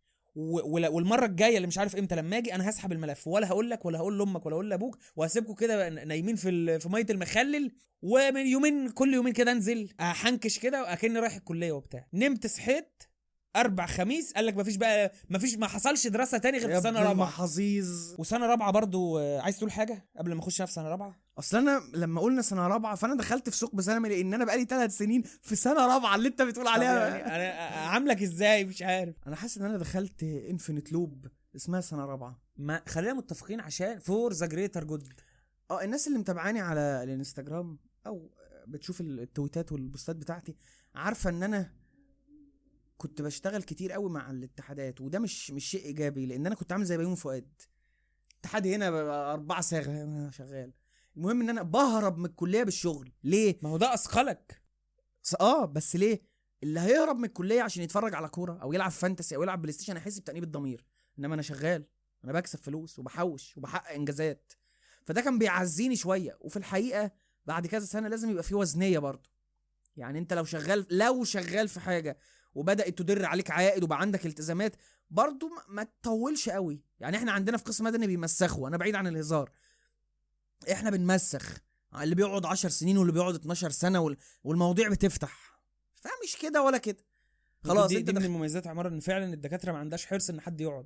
إحنا عن... بيحاولوا يعدوك بأي قدر بأي أنا ما أعرفش هم هم بيحبونا عندنا ولا إيه؟ اللي هو ما صباح الفل بقى. ما صباح الفل. ناهيك عن الحاجات الكتير اللي بناخدها في القسم. اوبسوليت أصلا ما بقتش بتتعمل. ثانيا انت عارف إن تلات أرباع العيال اللي طالعة دي دماغها مشبره في الهندسة وعارف اللي هو زي ما قلت جينا الدنيا ما نعرف ليه. أغلبهم يشتغل مدرسين رياضة ومدرسين فيزياء. والله مولعين الدنيا في دمنهور ربنا يكرمهم ومتجوزين وحالتهم عسل ولا هندسة ولا ميتين أم هندسة. بس هو في حرص كده علينا وإحنا برضو بنيجي من الناحية التانية يا سلام أنت عايزني خد سايب لك نفسه أهو 12 سنة هاجي أمضي اسمي في أول مادة في الامتحان أبقى أثبتت حضور وما أجيش باقي الامتحانات. فأعمل الوزنية دي يا تمشي إنما أنت داخل عندك استعداد إن أنت عندك هواية هتنميها وهتخليها مربحة إنما مش شغل فن للفن خش كلية مش ديماندنج يعني إيه؟ يعني تجارة. يعني خش كلية تجارة وما تصحش كتير. إنما هند وبعدين أنت مش شايف إن حرام. برضو في جملة بعض الأهل بيكرروها اللي هو إيه؟ خدها بس وما تعملش بيها حاجة. طب أخدها ليه؟ هي لو سهلة أخدها. يا عم هات اتنين يا عم. خدها مرتين. إنما هي هي تعسيفة. ده أنا اكلمك بكلمك على إيه؟ قسم عمارة اللي هو ما تتضايقش يعني. رقم ثلاثة وقسم مدني اللي هو إحنا بنصارع على الهبوط دلوقتي. فما بالك بقى بواحد واتنين وما بالك ببتوع ميكانيكا و... فهي مش بالسهولة دي. اللي هو خدها وما تعملش بيها حاجة. ده أنا أقطع شرايين. هعمل بيها حاجة. هجيب البتاع اللي هي البيضاوية أحطها على باب شقتي وأكتب هنا يرقد المهندس محمد فهمي وما بستخدمتها. إنما خد كلية تجاره دي مش دي لو خدت الشهاده مش هتزعل ان انت ما عملتش بيها حاجة الصراحة يعني. ما حدش يعني ما حدش يعلي عليا لأن أنا فيها عارف؟ ما هو عندنا أهو عندنا ما هي تجاره إيه لسه والله كنت بذاكر آه، حاجة كده. أنا بس ما, بلتفتش الاسماء المواد. بس ببص على مذكره المراجعة كده لقيتها 10 ورقات وفيها شوية رسومات محسسني إن هو إيه أخويا جاي بيقدمهم لي كأنهم كتاب شمس المعارف وده طلاسم. ويلا فكها لي. وكل اللي أنا شايفه هو فاريشن من منحنى العرض والطلب. حاجة يعني حاجة عسل قوي وبرضه ممكن تفتح لك سكة لو أنت مهتم بيها وخلاص ماشي. إنما مفيش حاجة اسمها بص بص بص خش طب وخلص بس واعمل اللي انت عايزه. ما انت مش انت مش هتخلص انت هتخلص. أيوه عشان كده كان عندي اقتراح. انت عارف برضو إيه الطالب لما يحب يتفزلك كده ويفتكر نفسه كوميدي؟ أنا كنت بقول ان إحنا لازم نعمل قسم في هندسة اسمه يبقى انت انت إيه؟ ده هندسة ميكانيكا ده هندسة عمارة واللي هناك ابو طربوش أبيض. هندسة قسم تسكيت أهالي. اللي هو مثلا إيه؟ هيدرس سنتين ياخد بيهم شهادة مش هيشتغل. الشهادة دي مثلا إيه؟ زي زي الإقامة الذهبية كده دي مش هيشتغل بيها. لو دخل شركة يضربوه بالنار بس يسكت بيها أهله. خدوا البرواز اللي أنتوا عايزينه. بس عارف على الرغم من ذلك أنا لما بفتكر آه، قد إيه أنا رميتها آخر آخر ثلاث سنين من القسم اللي هو أساسا أربع سنين آه، بتضايق من نفسي يعني. وبقول مفيش حاجة في حياتي أرجع أقول لك لو رجع بيا الزمن هعمل كذا. لا أنا كلها عادي يعني. هنموت في الآخر و... آه إلا حكاية الكلية دي. لأن ما تقول لي طب ليه يا ابو فهمي كنت عايز تجيب امتياز ولا تجيب تقدير؟ أصل مفيش مبرر. ما أنا الأربع سنين بتوع الكلية أنا ما حققت يعني ما طلعتش فيهم القمر. على رأي يا أخوك. ما هتعمل لي فيها بتطير برسيل ما عملتش حاجة. ما عملتش حاجة. اللهم إلا في 2017 ولا في في 2018 فتحت قناة الافيش عادي يعني مش بيج ديل بص هختلف حاجة. معاك في حاجة. ما عملتش يا اسمعني ما عملتش إنجاز عملي. طب ما وأنا فاهم المشكلة إن مفيش حاجة في عمارة كانت صعبة عليا. كل ما في الأمر إن أنا كنت بستخسر المجهود. صحيت يوم بدري مش رايح. استحالة أروح الكلية غير لما يكون عندي مشوار. من أحلى اللحظات وأسوأها في نفس الوقت. بيبقى أنت عندك إحساس اللي هو إيه فرحان إنك هتقعد وزعلان من تأنيب الضمير. واخد بالك؟ آه سنة رابعة مشروع التخرج رايح قبل تسليم المشروع بثلاث أسابيع. جايب مشروع ما حد ما فيش دكتور اداني كونفirmation عليه. وكان من أكتر اللحظات المحرجة الدكتورة غسلتني وبصراحة حقها. أنا بكرهها قوي يعني ما نفسي ما نفسيش حاجة بصراحة بس حقها. في دكاترة أسمعتني كلام سيء جدا وحقه. بس برضه برضه هقول إن الدكاترة بتاعت عمارة في منهم الغالبية العظمى عندهم مساحة يسمعوك. يعني أنا مرة في دكتور ودكتورة كانوا ماسكين مادة في سنة ثالثه في سنة رابعة الترم الأول ماسكين مادة و... وأنا الحاضر الغائب. وحكاية إن عمارة يبقوا الطلبة قليلين دي ميزة وعيب. الميزة إن- يعني بتبقوا في عارفين لحمة كده. العيب إن الدكاترة عارفينك بالاسم وعارفين سجلك الإجرامي لأنه ما هم نفس الدكاترة. فلما انت بتغيب بيبقى باين ان في كرسي فاضي في في الصالة. إيه ده غايب ليه وبتاع؟ عشان كده أنا دايما كانوا بيحسسوني إن أنا هيتقبض عليا في الامتحانات. اللي هو الم... الم... المعيدين اللي بي- بيراقبوا في الامتحان ما شافوش وشي قبل كده. فلو انت إيه ده داخل الدفعة freelancer ده ولا إيه؟ منتدب يعني عشان يكملوا العدد؟ فبعتوا لي استدعاء مع أحد الزملاء ولا لازم يجي ده ما بيسلمش وما بيجيش وبتاع. فأنا إيه يعني تخنت قفايا وقلت هروح بقى إيه آخد كلمتين في جنابي واجيب شاورما وأروح. أكمل أكمل كتفمه الكلية وآكل وبتاع. لقيتهم على الغرابة ده بيحاولوا يسألوني طب أنت إيه ظروفك؟ إيه ما بتجيش ليه؟ طب ما بيحاولوا يوصلوا لحل وسط. طب مثلا آه، تعالى المحاضرات ما تجيش السكاشن أو تعالى السكاشن وما تجيش المحاضرات. طب أنت مثلا مسموح لك تسلم بعدها بيوم؟ طب يعني ممكن ن compromise في التسليمات اللي فاتك اللي هو أنا كنت بستغرب. ما تقوموا تلطشوا يا جماعة. ده أنا أنا. وحقكم. يعني أنتوا مش مطالبين ان أنتوا تلاقوا طالب مش ملتزم ومش عايز يلتزم و... وتحاولوا معاه في أي حاجة. فلو رجع بيا الزمن فعلا والله هلتزم لأن أصل ليه؟ من أنا هبتدي من من من ساعة ما من من المكان ما أنت انتهيت. recency wise أنا لو رجع بيا الزمن ما كنتش هلتزم برضه. لا مش مستاهلة. بس ما كنتش هترك قوي يعني هي هي خمس سنين حلوة قوي عليها ستة. و- وفي حاجة هنا وسخة بتحصل. أنت بتقول اللي هو إيه؟ طب ما أنا ما عملتش حاجة. ما عملتش حاجة عملية. ده ده ده حلو. ليه ده حلو؟ لأنه بيخلي القليل من ضميرك صاحي. ففي أمل في رجعتك. ما هو أنا ما رجعتش ما برضه أنت بتعمل بتدي أنت المجهود قد كده. أنا بتكلم في عموم ممكن يبقى في أمل في رجعتك. إنما على النقيض الناحية التانية مش هتكلم. أنت عارف كان بيحصل إيه بالذات في الفترة ما بين 2018 و2020 ده أنا كنت نار على زيت حار. عارف اللي هو إيه؟ عراء أبوك. الدنيا اديته جامد. طبعا هو بكرم ربنا مش شطارة من حد. اللي هو إيه؟ عايز إيه؟ ماوس ليزر. خد. عايز إيه؟ شركة كبيرة. خد مرتب شهري. أنا ما بصدقوش لحد دلوقتي. مش هقول كام. أكيد يعني محدش ليه حق إنه يعرف كده بس أنا ما بصدقوش دلوقتي. خد. مصارعة هنا. شركة هنا. إنجاز هنا. فعارف اللي هو إيه؟ ده بي... عارف بقى لو في قليل من ضميرك الدراسي صاحي ده بيفطسه. لأن أنت ما بتلعبش. أنا بحقق انجازات وبكسب فلوس وبحوش وبدخل جمعيات فلا أنا لو رجع بيا الزمن هقضيها ستة ستة ونص كده هي حلوة عليها. أو يعني انت منتظر مني أقول لك لو رجع بيا الزمن هقضيها ثلاثة ما هم ما الخمسه انت آه بس كان انت ال- ستريت الأداء. يلا يعني أنا عرفت مؤخرا ودي حاجة حزينة جدا إن في مادة التصميمات التنفيذية بتاعت سنة رابعة وجدير بالذكر إن المادة دي في سنة ثالثه ما كنتش بحب الدكتورة بتاعتها وما بحبش ال... هي دكتورة محترمة بس أنا ما بحبش الطريقة بتاعتها دي. فلا لا حضرت محاضرة ولا حضرت section ولا سلمت لوحة. والامتحانات كانت بتمتحننا في امتحان عبيط جدا. كنت آه، أيام الكورونا بنمتحن اونلاين كنت بتفرج على مسلسل العيادة وأنا بمتحن وهي معتقدة إن أنا هرسم لوحة. كنت قاعد برسم في ورقة A4 على رجلي كده كاني بكتب خواطر. وما أعرفش عديت إزاي من المادة دي. يعني دي من الأساطير المعمارية إن أنا عديت في في ثالثه رابعة نفس الشيء برضو جبت آخري خلاص. فاكتشفت إن أنا جبت آخري من من المحاضرات والسكاشن بس بخش امتحان وبسلم مشاريع. اكتشفت إن الدكتور رفع الطلبة كلهم عشان أنا أعدي. هو ما يعرفنيش. بس عارف إيه؟ في عمارة نادرا ما هتلاقي واحد قاعد سنة غير مثلا لو كان عنده ظروف قهرية. ف... فأجل سنة. لكن حد عايد السنة نادرا ما بتحصل في عمارة. فاللي هو تقريبا مش عارف برضه رفعهم 10 درجات ولا كام درجة بس هو اداهم درجات كل الدفعة عشان يبقى سوا ما بيننا عشان أنا بس أعدي حد النجاح. حاجة زي دي طبعا فرحت إن إن إن, إن الدفعة خدت درجات وانبسطوا يعني بالدرجات عالية بس زعلت على نفسي لأن أنا كان عندي من سنة أولى بوتنشال إن أنا أبقى ما يا كويس. مش هقول لك من اوائل القسم طبعا لأن آه، أنا عارف قدر نفسي يعني بس كنت هبقى كويس. أنت عارف بقى المحزن أكتر إيه؟ إن لو أنت كنت دخلت عمارة كان زمانك من اوائل القسم. لأن أنا شفت الثلاثه اوائل القسم هو بنتين وولد بنتين وولد آه انت ما تقلش عنهم حاجة. والشغل اللي انت كنت بتعمله في في, في كورس القدرات هم بيعملوه مثلا في سنة ثالثه ماشي بس لا تنكر ان أنا ما أنا ما اصل هي إيه ما هي هي نفس الحلقة. هتخنق من المجهود مش هبقى عايز أروح المشوار ده مش كو... هتتخنق من المجهود. كان جو في عمرها هيعجبك انت بالذات لأن هو لا في المسألة ولا الامتحان ولا الآلة الحاسبة ومفيش الكلام ده. في إلى حد ما إبداع وإلى حد ما سرقة وكروته ومن بنترست بيشتغل آه. آه. الله يكرمك والله. ده ده وإن دل على شيء يدل على إيه؟ إن التنسيق أعمى.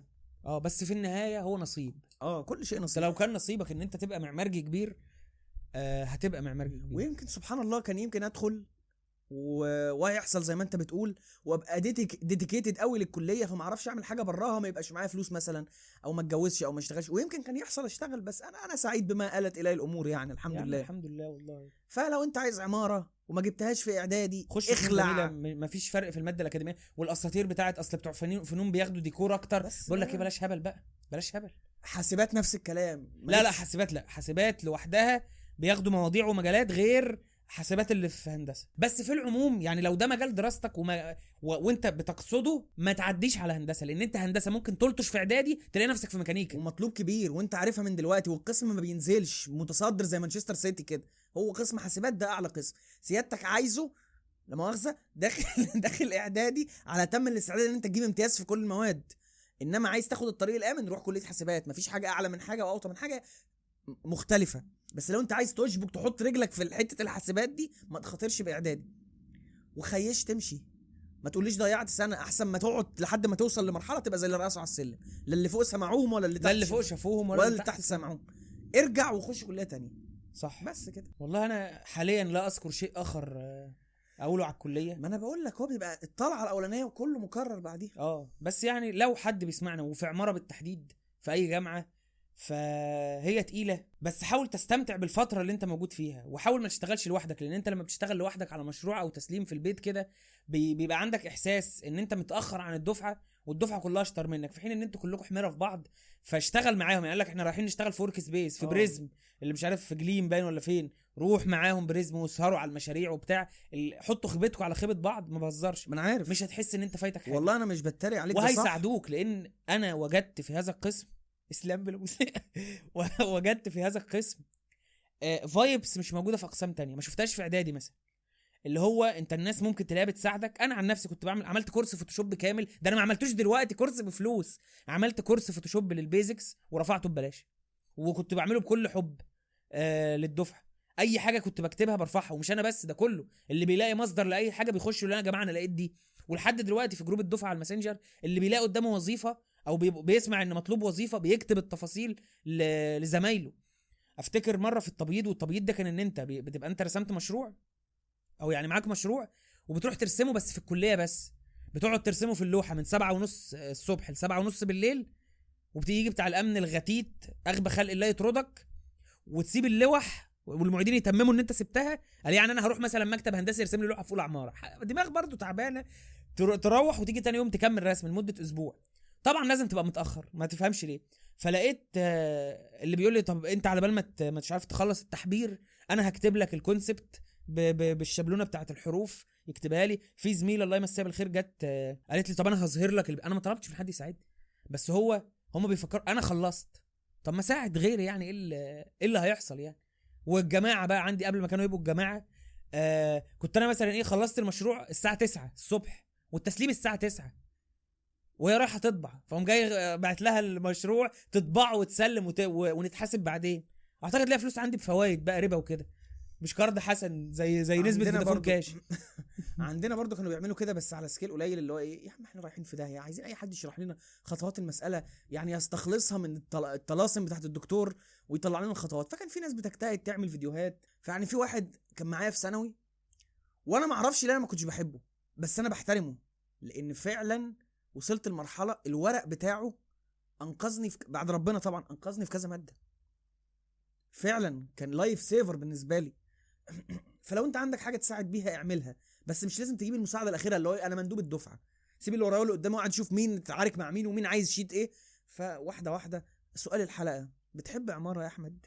أنا عمري ما قلت لك يا أحمد في حياتك إيه القرف ده؟ بتحب عمارة يالا؟ كنت بحسك تقول لي حمودي ولا حاجة. حمود؟ حبيبي حمود حمود حبيبي. المجال ولا ولا القسم؟ القسم. مجال إحنا هنصيع. اكتشفت ان إن أنا يعني بحبه بس عارف إيه؟ بحبه بلا امتحانات وبلا تسليمات. لأن مجال العمارة نفسه مجال مثير جدا ومهم جدا آه إن أنت تقرأ عنه حتى لو مش هتدرسه يعني. وفعلا بيوسع مداركك. دي إجابتك النهائية؟ يعني أنت عايز تغير إيه يعني؟ أسيب الشغلانة تاخدها؟ مش هتشتغل. يعني خلاص دي إجابتك. آه، هتقول إيه؟ أنا إجابتي. قول إجابتك. أنا أنا, ما سألتكش. ما أنا ما سألتكش أصلا. no one gives shit بأقل قدر من ال... من ال... الهزار. عشان لسه ما خلصتش. أنا ما بحبش مدني. عشان لسه ما خلصتش. يا ابني استنى. أنا أنا عاصرت ثلاث دفعات غير دفعتي وعملت معارف كتير قوي إنما أصحاب قليلة. وحتى لو كنت عملت أصحاب ما كانوا هيمشوا برضه ويسيبوني ما أنا اتعاقبت عليا الدفعات. أنا فعلا ما بحبش القسم ده وما بحبش التخصص ده وما بحبش أي حاجة ليها علاقة بيه. بداية من الخوذة لحد المسطرة لحد جهاز ايا كان بقى theodolite ولا total station أنا ما بحبهاش ما بحبش القسم ده وما بحبش الطريقة اللي بيمشي بيها. كله بقى يقول لك ده أصل أنت طالب مش ماشي فيه فعمال تعيب في القسم لا أنا حقاني جدا. عارف إن بعض العيال كانوا يجوا لي عشان أديهم الرأي الديفينيتيف في شرح بعض الدكاترة لأن هو عارفين إن أنا مش بتاع تهييص للدكاترة ولا لومهم. أنا قاعد بسمع منك. فبديك الرأي الصواب في حتة الدكاترة دي. بس أنا ما حبيت ما بحبهمش وما بحبش المادة وما بحبش التخصص وما بحبش كلمة مدني. بس عندك حاجة تانية تقولها في الحلقة اللي إحنا طالت مننا قوي دي؟ أنا ممكن أكمل إجابتي ان أنا حسيتك قطعتني فيها يعني. هتقول إيه؟ مع إنك إيه؟ اتكلمت كتير في الإجابة. إيه؟ عشان عندي أنا بقول ما بحبش أنت قلت بحب يعني. آه ما ما أقدرش يعني آه كانت أيامي سودة بصراحة. يعني من تانية تانية وتالتة ورابعة كنت جبت آخري يعني من من الحياة كلها. بل اني فكرت أنتحر بس كسلت. قلت على إيه يعني. وبعدين هي كل السبل في الكلية تؤديك للانتحار بمعنى الكلية عالية جدا فأنت ممكن بسهولة ما حدش يسألك رايح فين تطلع ترمي نفسك من فوق. دي طبعا مش دعوة للانتحار أنا بقول افيه يعني ما يجيش حد ساذج بس. في وش ال... هياخدوك من تحت الكلية ودي أوسخ حاجة في الدنيا إن آخر حاجة تشوفها قبل ما تموت الكلية. في وشها مستشفى جمال عبد الناصر. واخد بالك؟ هيحددوا ساعة الوفاة وسبب الوفاة. جنب مستشفى جمال عبد الناصر اسم باب شرق تصريح الدفن طلع التراب الناحية الثانية اتدفنت.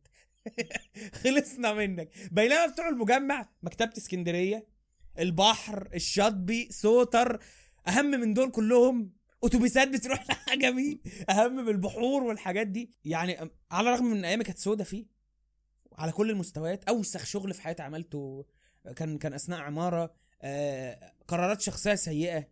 ومستوى وعي وإدراك آه، متدني. لا أزعم دلوقتي إن أنا يعني بقيت العلامة الفهامة بس يعني الواحد بيحاول يرفع الجهل عن نفسه قدر المستطاع. لكن آه، آه، الدراسة في هذا القسم فادتني. نعتبر دي إجابة مقتضبة وخاتمة للحلقة. الإجابة اللي إحنا عايزين نقولها أو المختصر اللي إحنا عايزين نقوله الكلية زي الجيم محتاج ناس تشجعك نقطة خلاص يلا نختم آه، الحلقة. أتفق مع ذلك. آه بنعتذر لتاني مرة إن إحنا فعلا ظروف التسجيل وظروف الوقت شديدة الصعوبة وبنتأخر عنكم في الحلقات. يعني دي حاجة بت- بت- بتهز دماغك الكاميرا فصلت بتاعتك أصلا؟ دي حاجة بتحزني يعني. بس أنت ثق وتاكد إن أنت ممكن ترازينا على الإيميل رازينا at جت علينا dot com وتكتب لو أنت عايز رسالتك إيميل في السلسله القصيره اللي إحنا هنعملها بتاعة البوسطجيه اشتكوا واللي لسه مش عارفين هتبقى حلقات منفصلة ولا في آخر كل حلقة ممكن تقول انت عايز بقى البوسطجيه اشتكوا ولا عايز الشريط التفاعلي بتاع الحلقة على وعد إن إن شاء الله نقرأ كل الإيميلات لأن أنا بشوفها كلها. وأنت مش عملت فيها بورم وقلت نختم؟ يلا نختم. طب يا عم لما انت كده إيه يعني دبور وعامل فيها دكر نختم بإيه بقى يا بورم؟ يعني انت قصدك قصدك إيه يعني؟ قصدك ان أنا نويت النية كده وقلت ان إحنا نختمها من غير ما نبقى محضرين ختمة؟ لازم نقعد نفكر كده ونسكتش ختمة. كفاية الدخل أنا مش موافق عليه. يا سيدي يا مكتر الناس اللي بتاخد قرارات من غير ما تبقى درساها يعني هي جت علينا؟